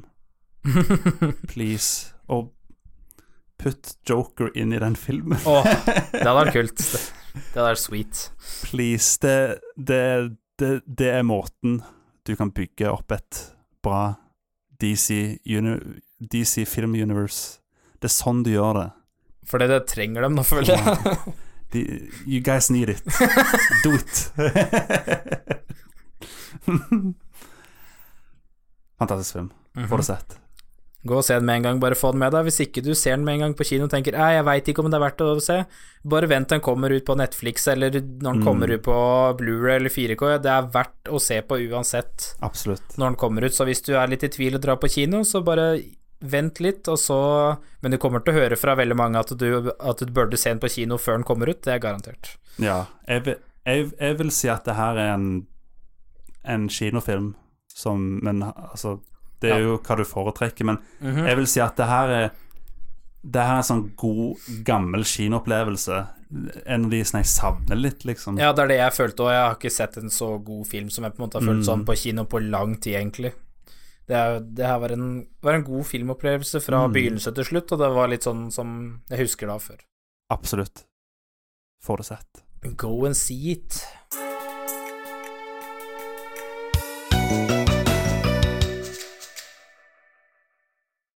Da var det på tide med ukens musikkanbefaling! Jingle sound. Jingle bells. No, jingle sound. Ah, ok. Hvis du har jingle, så Det var, litt, det var litt tidlig med jingle bells, i alle fall. Nei, men Hvis du har en jingle over, ikke sant, så var det sånn, Å, ja, så var det sånn insert jingle her. Mm. Hadde du lyst til å synge jinglen? Jeg vet ikke, har du en? Nei? Nei. Hadde du lyst til å lage den nå? Sånn improvisere den? Nei, så det var mye, for, mye, for mye press. No. Nei, jeg tøyser bare med deg. Vet du hva, jeg tenkte at uh, siden det har vært en liten stund nå, altså hvor mange måneder siden? Nesten et halvt år. siden forrige musikkanbefaling, så tenkte jeg at vi skal anbefale ti sanger totalt, og fem sanger hver denne gangen. Yikes. Og det blir Slik som jeg ser det nå, så blir det her i alle fall Det blir i alle fall den siste musikkanbefaling-segmentet før nyttår, i alle fall. Mhm. Så det er et lite plaster på såret, siden det ikke blir noe ellers i desember, utenom kanskje på slutten av desember. Vi, vi, vi får se. Forhåpentligvis blir det nyttår-episode òg, men Ja. Hadde du lyst til å begynne med musikkanbefalingene? Uh, Ja, jeg, jeg har vel ikke noe rangering fra Jeg har ikke noe én til fem hvem som er topp her nå, men Nei, jeg du trenger ikke å rangere. Ok, greit, bare- greit, for da, for da begynte jeg å bli stressa. Nå begynte jeg å Mm. tenke på at jeg måtte gjøre det. um, jeg kan bare ta det som nå nyligsten, og som, er du, som man antakeligvis forventer at jeg kommer til å si. Jeg vet at du kommer til å vite hva jeg kommer til å si. Det er jo noe Green Day, er det ikke? Det er det. Fordi Selvfølgelig. Eh, jeg vil jo si Da vil jeg antageligvis ta uh, Green Day Father of All, som den heter. Sangen, Mm. som er på en måte da Det er ikke Father of All Motherfuckers? Motherfuckers, ja, ja. Men for, det er albumet heter det, men sangen heter Father of All, så det er liksom Ah, Det er, liksom, det er liksom Det er liksom første sangen til plata, da, sånn på den Mm. måten. Men den er så uvanlig Green Day, men samtidig jeg forventa det ikke. Nei. For det høres ut som at du blander Prince-ish-aktig sang, Mm. syngestil, med veldig rask Ja, Prince, den, den kan jeg se. det, Jeg føler litt sånn i forhold til vok sånn der, Mm. med den synger, Han synger veldig high pitch sånn generelt på masa. Det er veldig ikke Green Day, Men når du hører på noen få ganger, så er det bare sånn ah, Makes sense at dette er Green Day. Det er sånn, det er sånn, uh... sånn Du husker alle de kule låtene som var i Fifa, liksom, da vi var yngre? Det er sånn typisk sånn der eh, Fifa 20-låt, liksom, føler jeg. Sånn kickass-låt for å For den er veldig god Det er veldig god punch i sjølve sånn instrumentalen og alt. Det er de får en skikkelig punch når refrenget starter, og det er skikkelig trøkk inn. Men det er veldig korte sanger. Det er det eneste på Mm. albumet.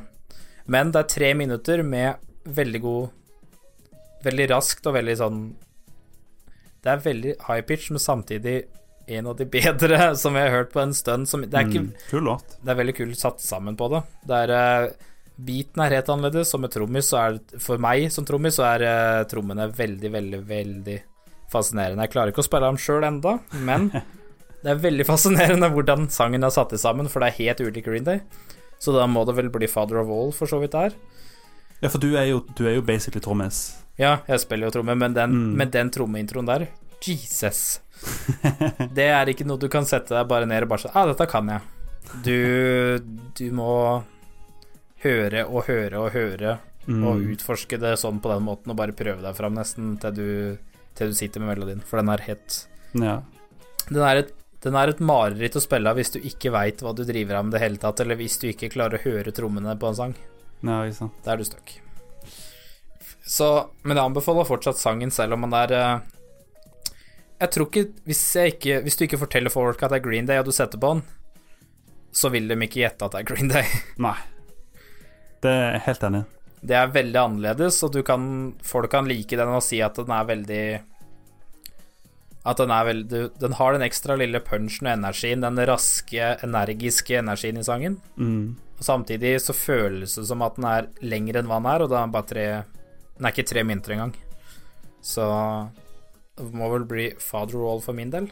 Har du en som du Jeg tenkte at jeg kunne ta og anbefale en, eh, en Ariel Pink-sang. Siden For de som har hørt litt på podkasten før, så er jeg veldig stor fan av Ariel Pink.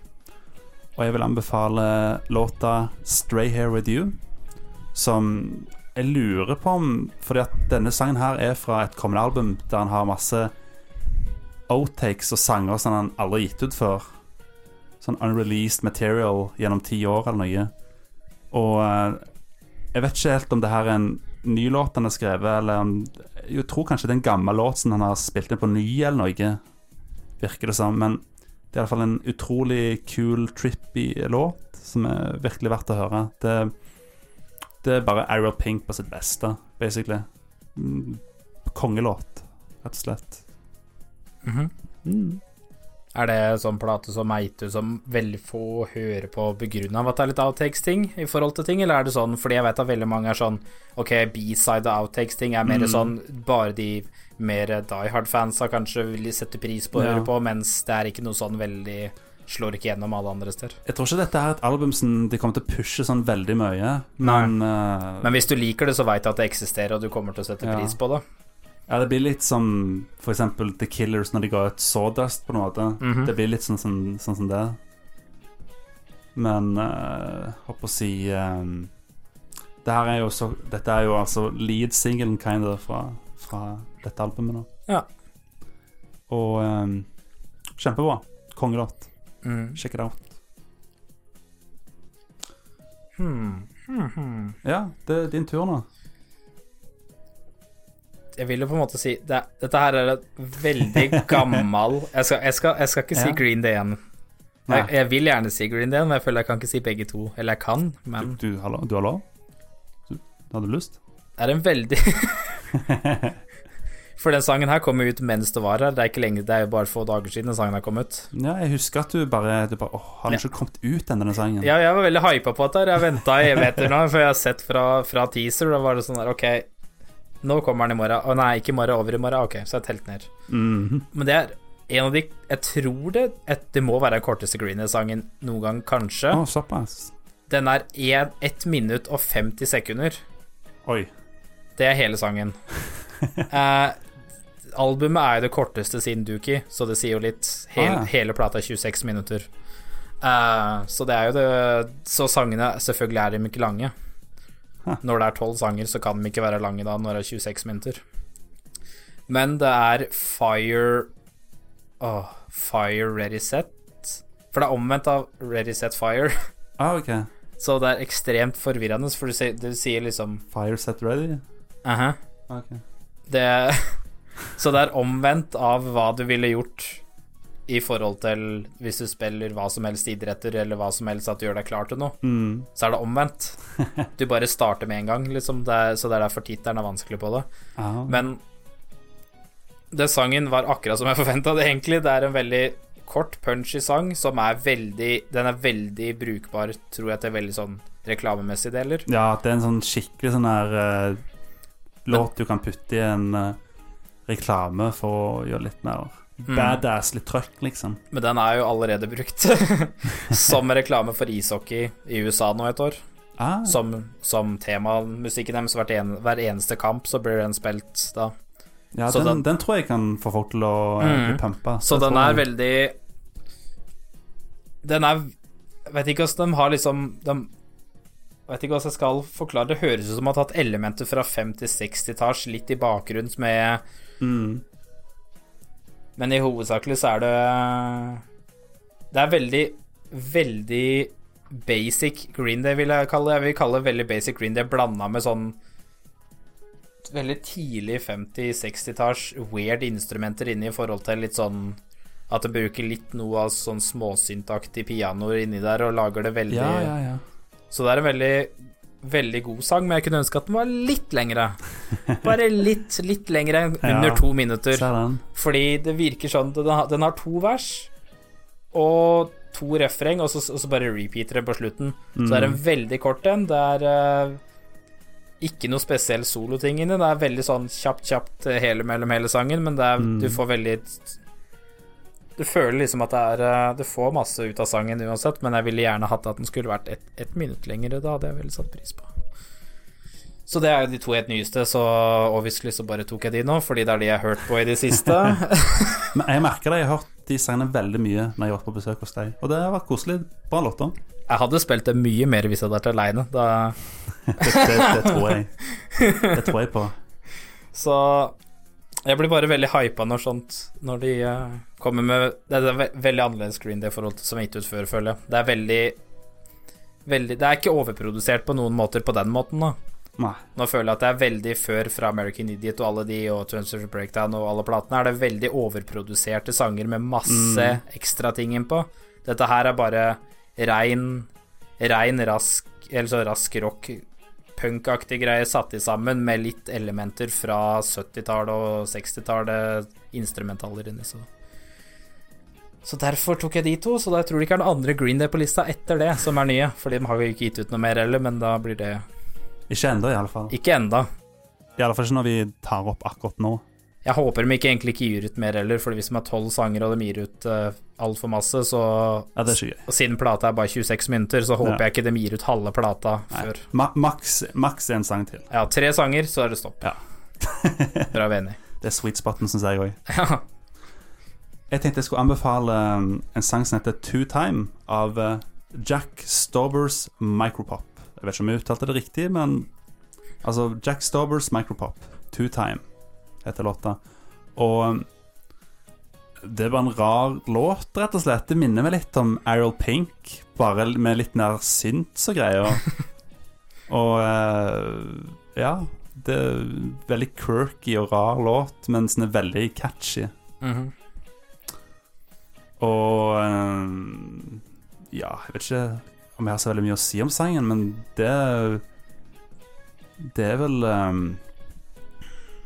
Jeg vet ikke så veldig mye om denne artisten her heller, uten, utenom at jeg har hørt et par låter av han, og det jeg har hørt av han er veldig bra, så jeg må nesten få hørt mer på han.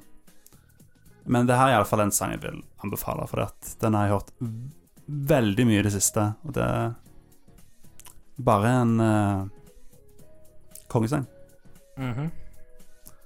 Og um, Ikke hva, hva er mer jeg skal si. Det er en litt morsom ting med den sangen at uh, i, i refrenget så har du sånn der uh, Sånn der uh, lyd Det høres ut som han- han banker på en TV, sånn CRT-TV. Sånn lyd sånn dunk, dunk.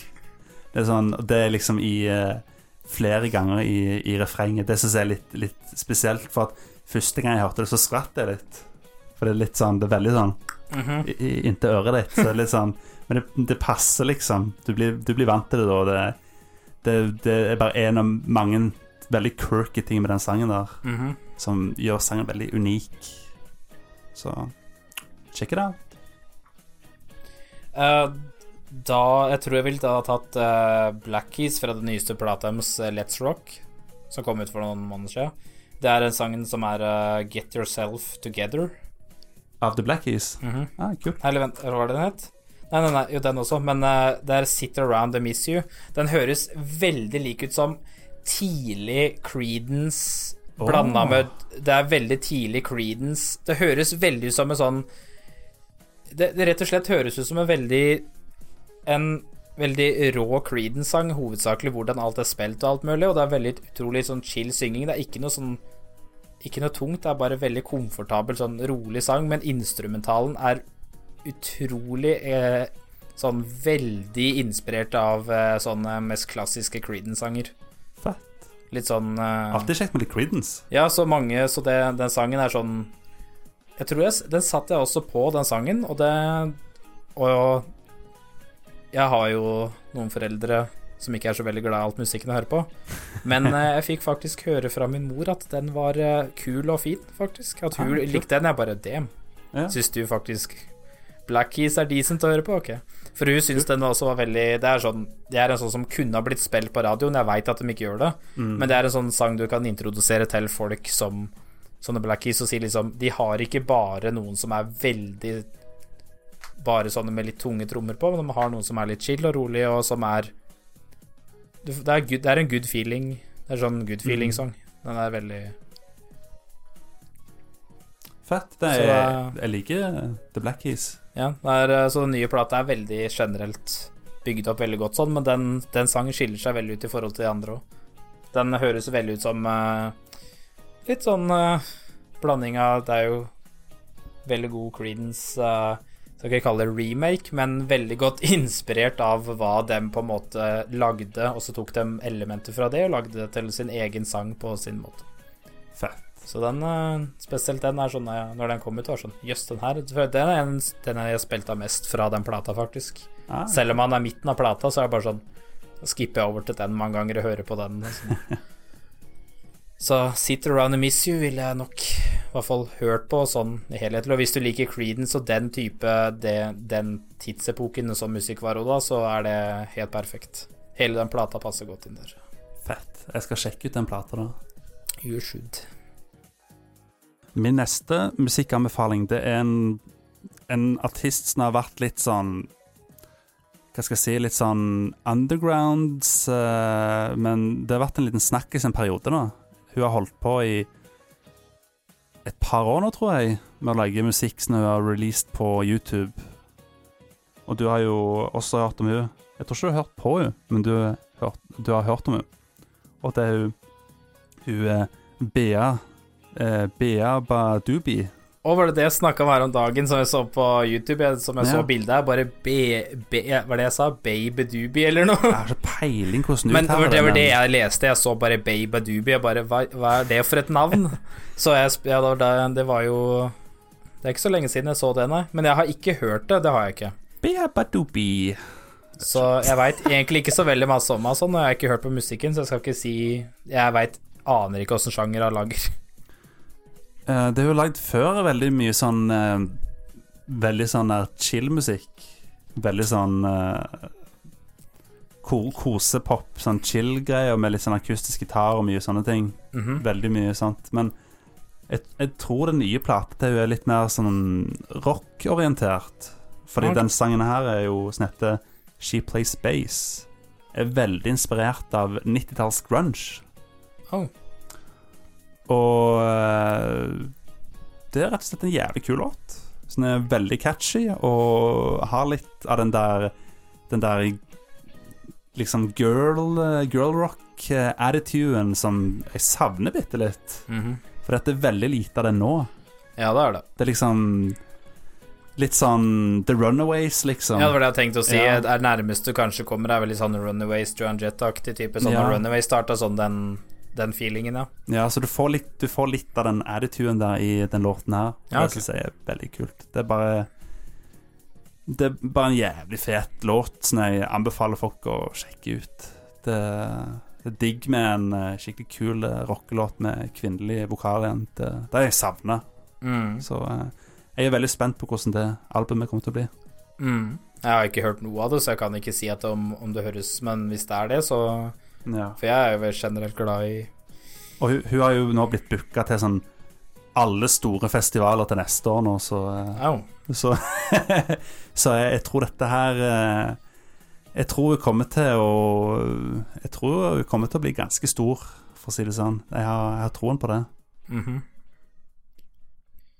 Eh, jeg har ikke noe Det er, ikke, det er langt ifra en ny sang, men uh, Beatles droppa nettopp 50-årsjubileet sitt på Abbey Road. Ja. Og de Et av, mitt favoritt, et av mine Ja, favorittalbum er- noensinne. Ja, min òg. Jeg tror det, det er garantert favoritt-Beatles-albumet mitt. Det er det, uansett. Men den 50-årsjubileet Men det er ikke nødvendigvis Og det er utrolig godt miksa, alle de andre originallåtene. Men det er Jeg tror det, det er én av demoene det, det er én av demoene av um, Av Come Together som er inne her. Mm. For, har, for det, dette er lang, lang liste. Orgi Ja. Den deluxe-versjonen har jo 107 sanger eller noe. Eh, så jeg har ikke alle de, jeg har noen og 50 av dem. For jeg har ikke Jeg Mm. har ikke kjøpt uh, Litt det- dyrt. Jeg har ikke betalt den som koster nesten 2000. Det har jeg ikke. Ja. Uh. Det Så Kan, kan, kanskje når du vinner Lotto. det er en sånn ting som du ser og tenker åh, skulle investert og kjøpt det, da, men så ser du samtidig prisen, så er det sånn eh, Kanskje det ikke er eh. Grei, grei, greier oss med halvparten av uh, outtakesene. Jeg tror det går fint med noen av fem Jeg tror det går fint med 50 av dem, ja. Ja, det, er nok, det er nok de beste uansett. Men ja, jeg regner med at de har tatt de beste på den, og så de ekstra som er sånn Ja. mediocre på helt deluxe, og du får alt alt, tenker jeg. Det tror jeg jo. Som regel gjør det det. Kanskje en sånn ekstra god Mhm. good shit som de putter på eh, det dyre settet, men ellers så er det det beste. Uh, men det er én Det er den sangen, men jeg kom på noe, det er én sang som, er, en som jeg liker derfra, som er en sang som ikke er gitt ut offisielt. Mm. Uh, den, den heter Come and Get It, oh. uh, som er fra de spesialboksene, den derre Hva er det de heter igjen? Eh, de, jeg husker ikke hva de boksene heter, men de spesialboksene jeg kjøpte Anthology, eller? Ja, ja, Anthology 1, 2, 3. Ja. Original, den studioversjonen av den er innpå den plata, men demoversjonen av den Jeg visste ikke at dette her var Abbey Road Recordings. Oh. Så jeg har jo sikkert spilt av den for deg, den ene der som jeg syns var litt sånn Den høres ut som at det er 80-talls Beatles, Å. men det er Abbey Road Recording, og jeg trodde dette her var Jeg trodde dette her var sånn bare sånn random recording helt, helt på slutten. Ja. Men dette her var jo tidlig Abbey Road recording, den sangen. Og jeg, og jeg bare what? For jeg, for der, for, så demoen er inn på Abbey Road-plata, mens studioversjonen er inn på de samleboksene, Så som kom ut i 95. Oi. Så det var bare sånn Ok, jeg visste ikke at dette var Abbey Road Session-sanger engang. Kult. Så det, det er helt annen feeling på sangen, men den er utrolig Wow, det, det må jeg sjekke ut. Den høres Det høres ut som en Det høres rett og slett som at Beatles spilte på midten av 80-tallet. Ja, og Det gjorde de òg i en parallell dimensjon. Stemmer det. Det var en, det var en greie, det. Eller Jeg husker ikke det der, eh, det der eh, Beatles-albumet som Ah. folk hadde fått tak i, som ja, som, sånn ja, som, hadde, som hadde funnet ja, sånne som var sånn sanger innpå der som var eh, Beatles, som ikke var eh, Stemmer. Stemmer. Men den sangen, jeg var veldig mindblown, for jeg trodde dette her var da en seinere alternativ Beatles som var sånn helt weird, sånn Den høres veldig sånn kommersiell ut nå for tida, som egentlig kan brukes òg. Mm. Så jeg var bare sånn Når jeg så at det var Abbey Road Recordings, da var jeg veldig sånn oh, ok. For jeg elska den sangen, den originalversjonen fra den Ja. samleboksen. Jeg visste ikke at det var Abbey Road Recording. Jeg hadde ikke et anelse om at det var det. For det sto ikke det på samleboksversjonen. Kult. Så demoen innpå den der, den der eh, Come and Get It heter jo sangen, men Så det ligger en studioversjon ute. Men den er ikke like Den er litt annerledes enn demoversjonen, men eh, det er en veldig absurd Abbey Roads Den passer ikke inn på plata, så det er vel en grunn til at den ikke var putta inn der òg, men den er vel, Den er eh, catchy å høre på. Veldig, veldig, veldig simpel, Mm. men veldig, veldig fengende å høre på. Fett. Så det er ikke en ny sang på noen måter, men uh, samtidig ny, nyutgivelse, siden han ikke var gitt ut før på den boksen, som var nå nylig. Kult. Min neste anbefaling er en sang som er bare veldig kos og veldig gøy. En sang som får meg litt pumpa og litt i godt humør. Og det er Two Door Cinema Club med sangen Satellite. Og hva skal jeg si? Det er en kul eh, indie-rock-låt. Veldig sånn Eller mer, nesten mer indie-pop-låt. Som er veldig eh, Som er veldig uptempo, og eh, ja, den får meg i godt humør. Mhm. Så det går veldig mye av den låten nå for tida, siden eh, ja, Det var en Den smitter meg rett og slett med, med sitt gode humør. Ja, feel good-sang, på andre ord. Mm, og de har jo lagd en av mine andre favoritt uh, good-sanger, som heter um, åh, Hva heter det for noe? Jeg vet da faen, jeg. Et eller annet med 'Something Good'. Jesus, jeg husker ikke helt. Jeg tror, jeg lurer på om jeg har anbefalt den nå en gang. Jeg jeg husker, jeg husker ikke helt, jeg. Men, men i alle fall, det er sikkert nummer én hvis du søker etter Tudor Cinema Club på Spotify, så ligger den øverst, liksom. Den ligger sikkert ja, på Det er den, det er den som har noe med good i seg. Ta og Hør den òg, for den er veldig kos. Veldig bra live òg, forresten. Jeg har sett de live, så. Jeg har sett alt live, så. ikke, for, ikke for å skryte, men Nei, ikke for å skryte, men jeg har sett absolutt alt live, inkludert The Beatles. Og Åh, ja, i den andre, an, i den andre dimensjonen. Stemmer det, i en annen dimensjon. Jeg så de, vet du, på eh, slutten av eh, 2000-tallet. Ah, ja. da, da Paul McCartney var i live og John Lennon var i live. For Paul McCartney er død, vet du. Husk det. Ja, stemmer det. Han er jo død, han Paul McCartney. Ja. Ringo Starr òg. Alle er døde. Ja, det er jo bare, er jo bare Å ja, jeg trodde det var John Lennon og eh, John Lennon og eh, George Harrison igjen, nei. Det er jo bare Disney igjen. Ja. ja. Nei da, men uh, kongesang, check it out. Mm -hmm. uh, da tror jeg ville tatt uh, Altså, jeg er ikke fan av generell countrymusikk. Det er sånn Nå tenker jeg moderne countrymusikk, pop-country. Det er Mm. forferdelig å høre på. Jeg syns det er helt forferdelig. Hvis du har hørt noe av de nye country-greiene, har du hørt det? Det er bare sånn derre I dag skal vi, drekke, skal vi drekke og feste og ha seks typer sanger. Det føles som at du hører på Nickelback i countryversjon.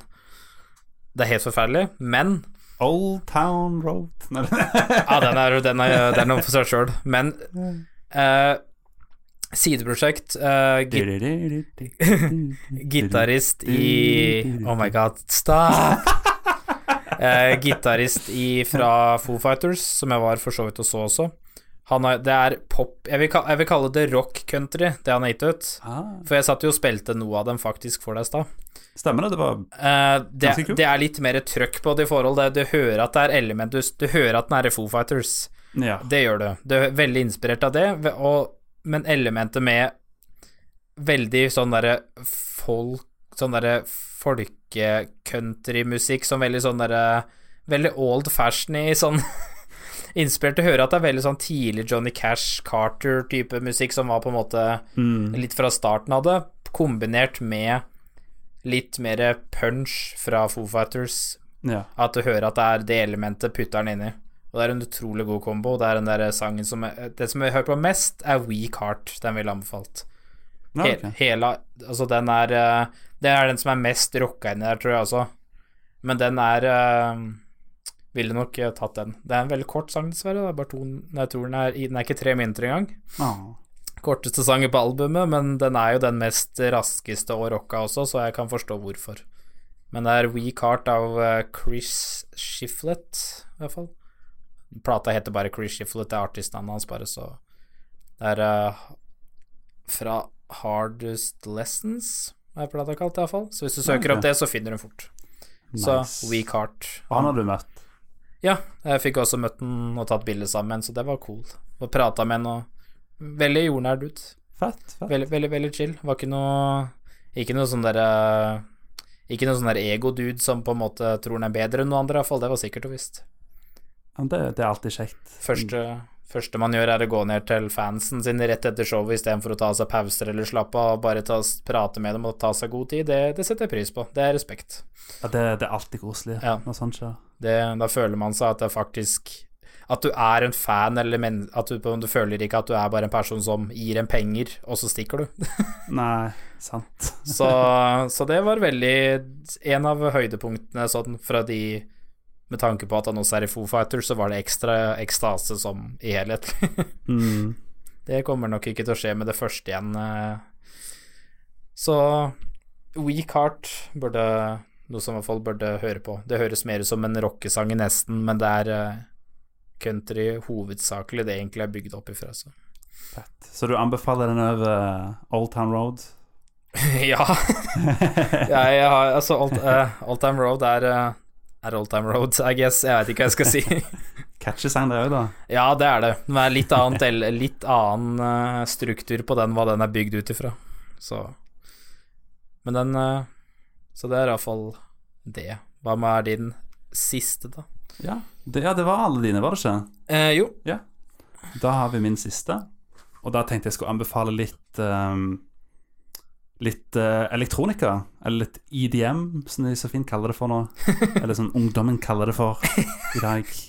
Ja, for vi er boomers nå, så Mm. Når, jeg, når, når jeg var liten, så kalte vi det for dancemusikk. Ja, det husker jeg. Dance, da var det, var det Mm. bare dance, da. Det var det nesten ikke noe. Nå er det jo Ja, det, det, det er jo bare EDM står for Electronic Dance Music. Ja, ja, men nå har du så masse sub Sånn sub-sjangre på alt mulig, så du, Ja. du veit ikke hvor du har musikken mer, nesten, unntatt på ting. Ja, det er sant. Men håper å si Det er en form for EDM, i alle fall. Mm -hmm. Og det, det er jo artisten Madeon, som muligens uttaler sånn, jeg vet ikke. Men han er, han er fransk.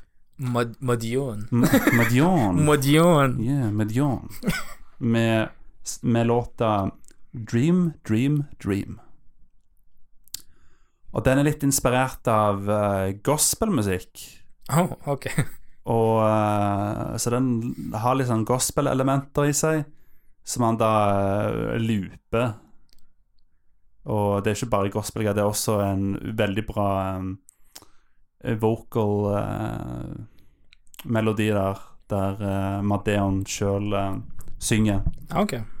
Og eh, jeg visste ikke det før, men jeg trodde alltid at Madeon liksom, han lagde musikk og produserte alt sjøl, for det er jo det han var, ble kjent for først. Mhm. Det var jo det at han var helt crazy god til å mikse musikk live. Det var jo sånn han først ble oppdaga. Ja. Eh, men han har faktisk en utrolig fin stemme òg, fordi at eh, de aller fleste sangene han har gitt ut, er faktisk med han på vokal. Oh, nice. Og den her er også han på vokal, og det er kongelåt. Veldig eh, Veldig eh, Jeg vil ikke si at det er en clubbanger, akkurat, men det er en sånn Det er en kul låt du kan sette på fest, liksom, og Mm. den eh, slår godt an. Det er bare Det er digg med mer Madeon. Og um, han har også en, en nyere låt som heter All My Friends, som det er jeg tror det er lead-singelen til det nye albumet hans.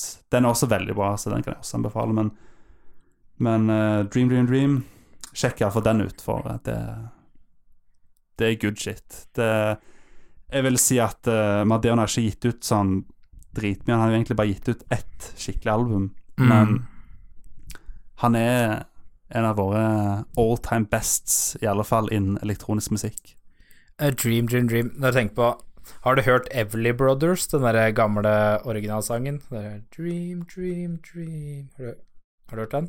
Ja, ja, ja. ja. Er det liksom Jeg veit at den er litt er sånn gammeldags, jeg vet Mm. ikke om det er noe inspirasjon, for den er litt sånn der gospel og sånn gammeldags. Jeg vet ikke om det kanskje var Det kan være at den sampler den låta, men, det- men jeg tror ikke den sampler akkurat den. Nei, nei, nei, for det er jo veldig ikonisk, sånn Ja. der Everly Brothers-sang. Mm.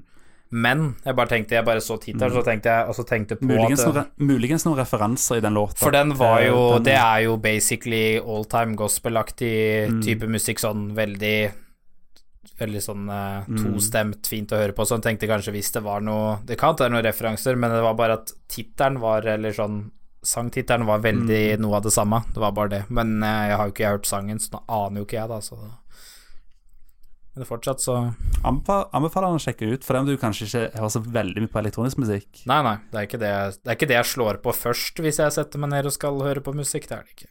Men det, det er en kul låt. Jeg anbefaler anbefaler folk å sjekke den ut. Mhm. Og det var vel egentlig alle musikkanbefalingene våre denne gangen. eh, ja. Så Jeg følte dine var litt mer spredt ut på forskjellige ting, men mine var Jeg, jeg føler jeg var stuck på veldig masse av det. Men det som er at de, de som jeg liker å høre på, de gir ut Det er ikke nødvendigvis Det er liksom masse sideprosjekter fra Mm. folka jeg hører på, så det blir veldig, kan bli veldig mye av det samme. Selv om jeg er veldig åpen for masse nye ting, men jeg, det, er ikke det, det er ikke det jeg husker Nei. når jeg først tenker på det. Plutselig bare Å, jeg liker jo den artisten her med en ny sang. Sånn som jeg, sånn som jeg kan godt si at jeg har ikke Sånn som jeg har sittet og hørt veldig masse på den derre to av sangene til Billie Eilish også. Ja, ja. De to mest kjente, obviously. Den derre Crowd og så den derre Bad Guy. Ja. Jeg syns de melodiene på de, hvordan beaten er på de, Mm. er ekstremt kule beats på det, og jeg liker stilen hennes. Mm. Men jeg glemte å si det for eksempel i stad, hvis ja, ja. sånn, men jeg har sittet og hørt veldig masse på de på repeat på Spotify det siste kult. uansett. Så det er ikke min type musikk på noen måter. Nei. For det er helt omvendt av hva jeg ville hørt på ellers. Sant. Men fortsatt så syns jeg det er veldig catchy, og jeg sitter og hørte mellom hele den plata hennes som er gitt ut Mm. flere ganger, men det er helt omvendt av hva jeg ville hørt på. Sånn som si, motsier hva jeg egentlig På den måten, så Jeg føler at det er greit å være åpen til litt forskjellig musikk. Ikke Ja, ja. bare det man hører på til vanlig, men også litt sånn Gjerne litt utenfor sin egen komfortsone, rett og slett. Mhm, Det er greit å ikke være helt avlokka. Jeg er jo jeg er ikke akkurat jeg er den mest åpne personen på alt, men jeg er ikke helt gjenstengt på at jeg ikke gir noe en ny sjanse. Finner jeg det interessant og fascinerende, så jeg liker vokalen og hvordan ting er bygd opp, så, så er det interessant for meg helhetlig. Hvis det er noe som er, skiller seg litt ut.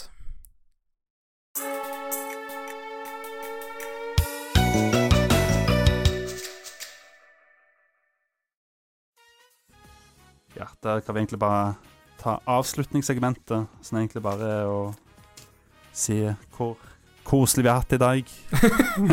I natt. I natt, ja, rett og slett. Jesus Christ.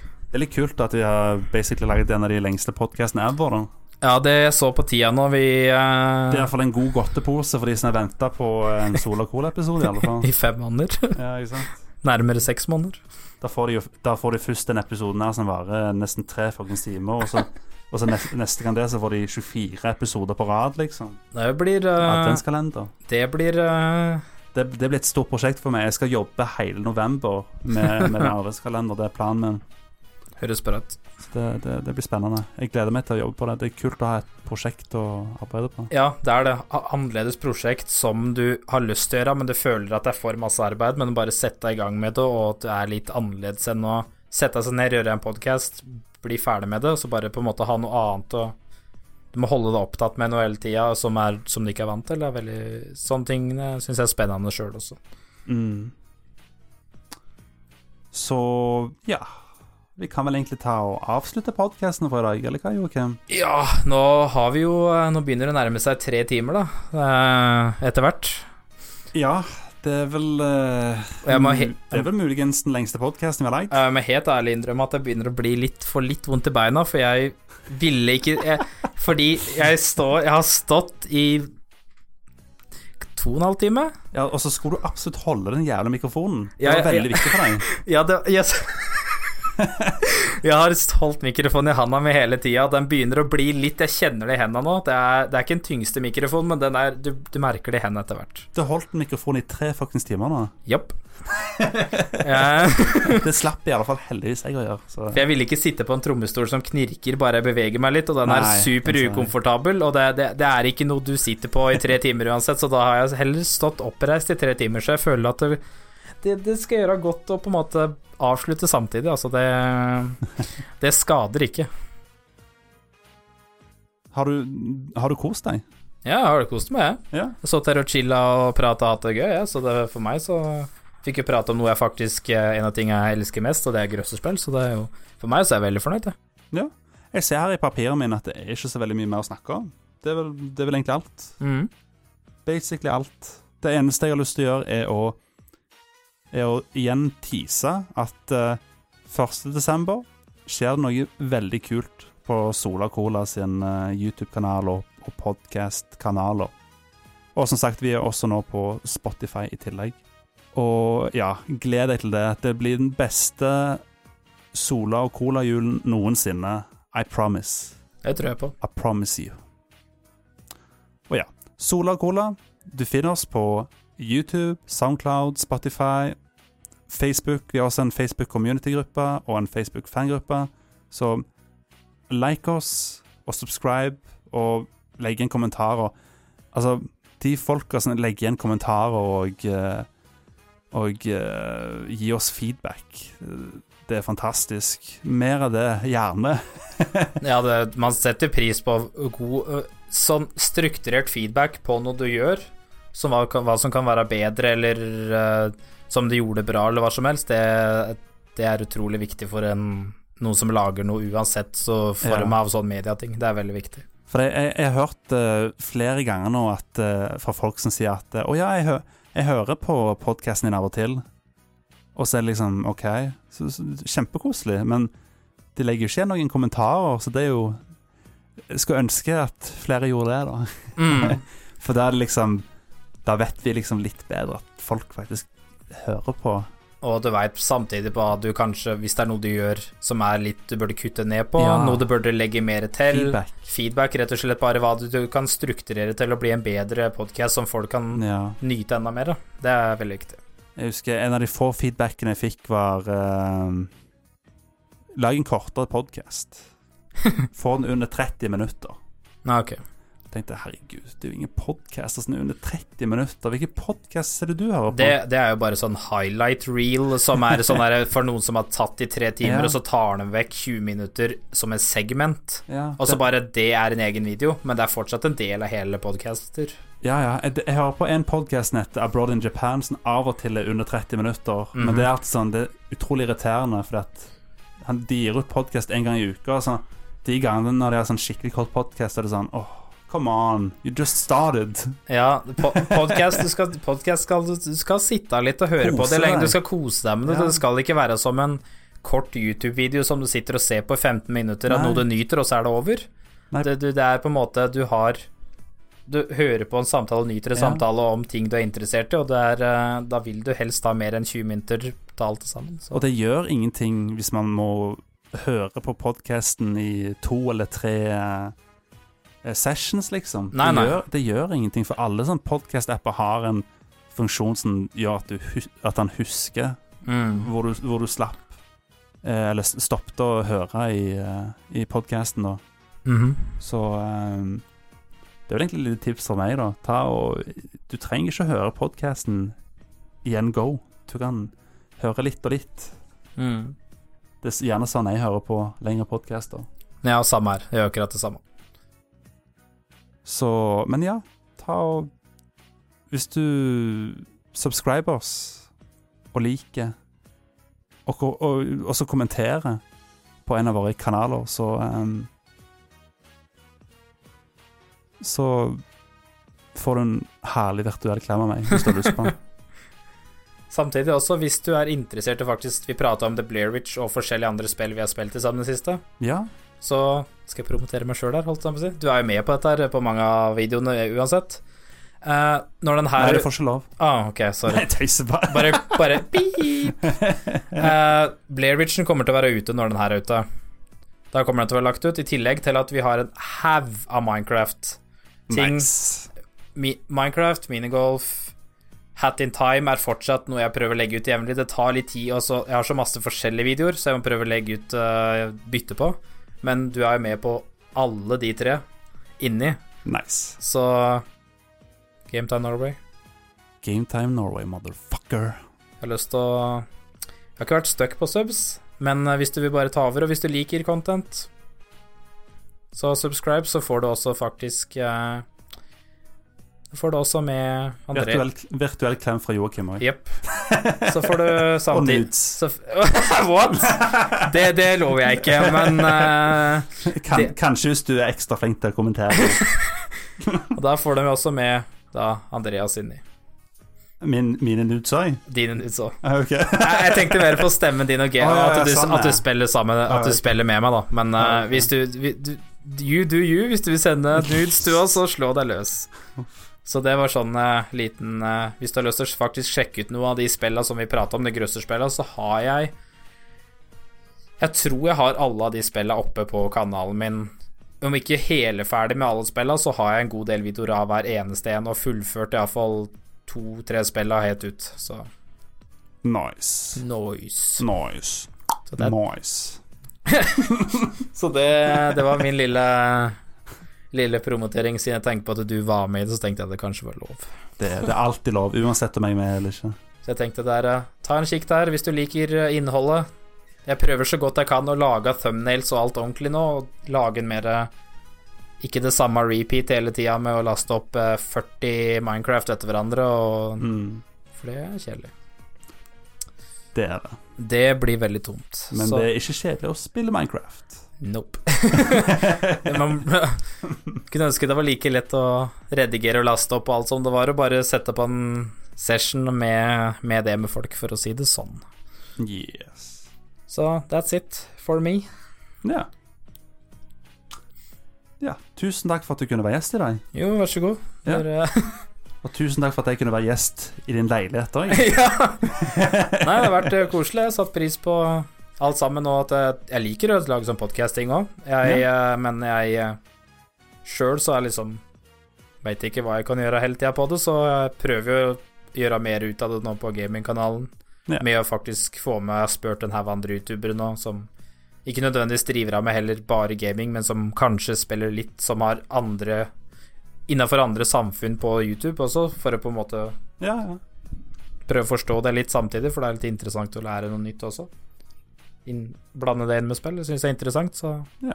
så jeg setter alltid pris på å faktisk være med andre, istedenfor at jeg er den som må Mm. sette opp alt, og jeg setter på en Ja, måte ja. For det bestandig er det sånn Ok, jeg må ha den planen, jeg må gjøre at jeg må redigere det, bla, bla, bla. Jeg liker å på en måte bare være sånn Ok, jeg blir med, og så kan andre på en måte bare bearbeide ting. Syns det er spennende. Det er derfor jeg er så ofte gjest på, på din YouTube-kanal. Ja. For det eneste jeg trenger å gjøre, er å møte opp. Ja, du møter opp, du, du gjør det moro med det. Du møter opp, du prater, du har det gøy. Og så på en måte kan du se resultatet etterpå. Sånn der Å ja, det, det, dette her er gode minner fra det og det. Det her likte Ja, jeg, liksom. Det, det, er ikke så veldig ofte jeg har den sida fra på ting. Det er som regel jeg som uh, Mm. må ta meg av uh, alt det ekstra drittarbeidet i etterkant. Så Nei. Setter pris på det. Ja, ikke sant? Nei, vi kan jo egentlig ta og uh, det vel, Nei, det er ikke så veldig mye mer å si. Nei, vi kan jo, vi kan jo bare avslutte med Med slagordet, da, Joakim. Uh, creeper. Oh, man. Takk for i dag, folkens. ha det bra. Ha det bra, og vi snakkes i desember.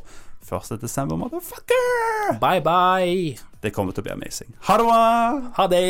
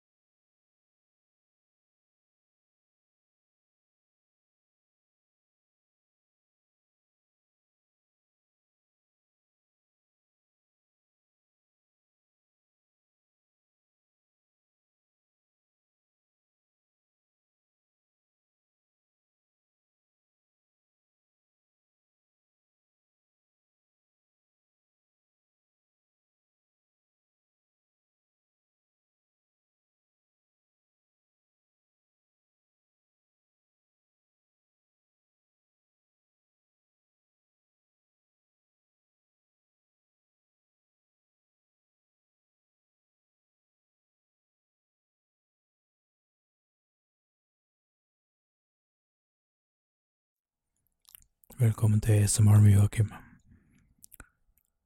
I denne lille avsnuttet av podkasten skal vi sitte med ASMR. Så slå deg ned, ta på deg headsetet, ta fram en varm kopp med kakao, og la oss prate om Sorry, Andreas, men du får en god ASMR-opplevelse. Håper du nyter det. Og vær så god. Nå var det heldig, boy.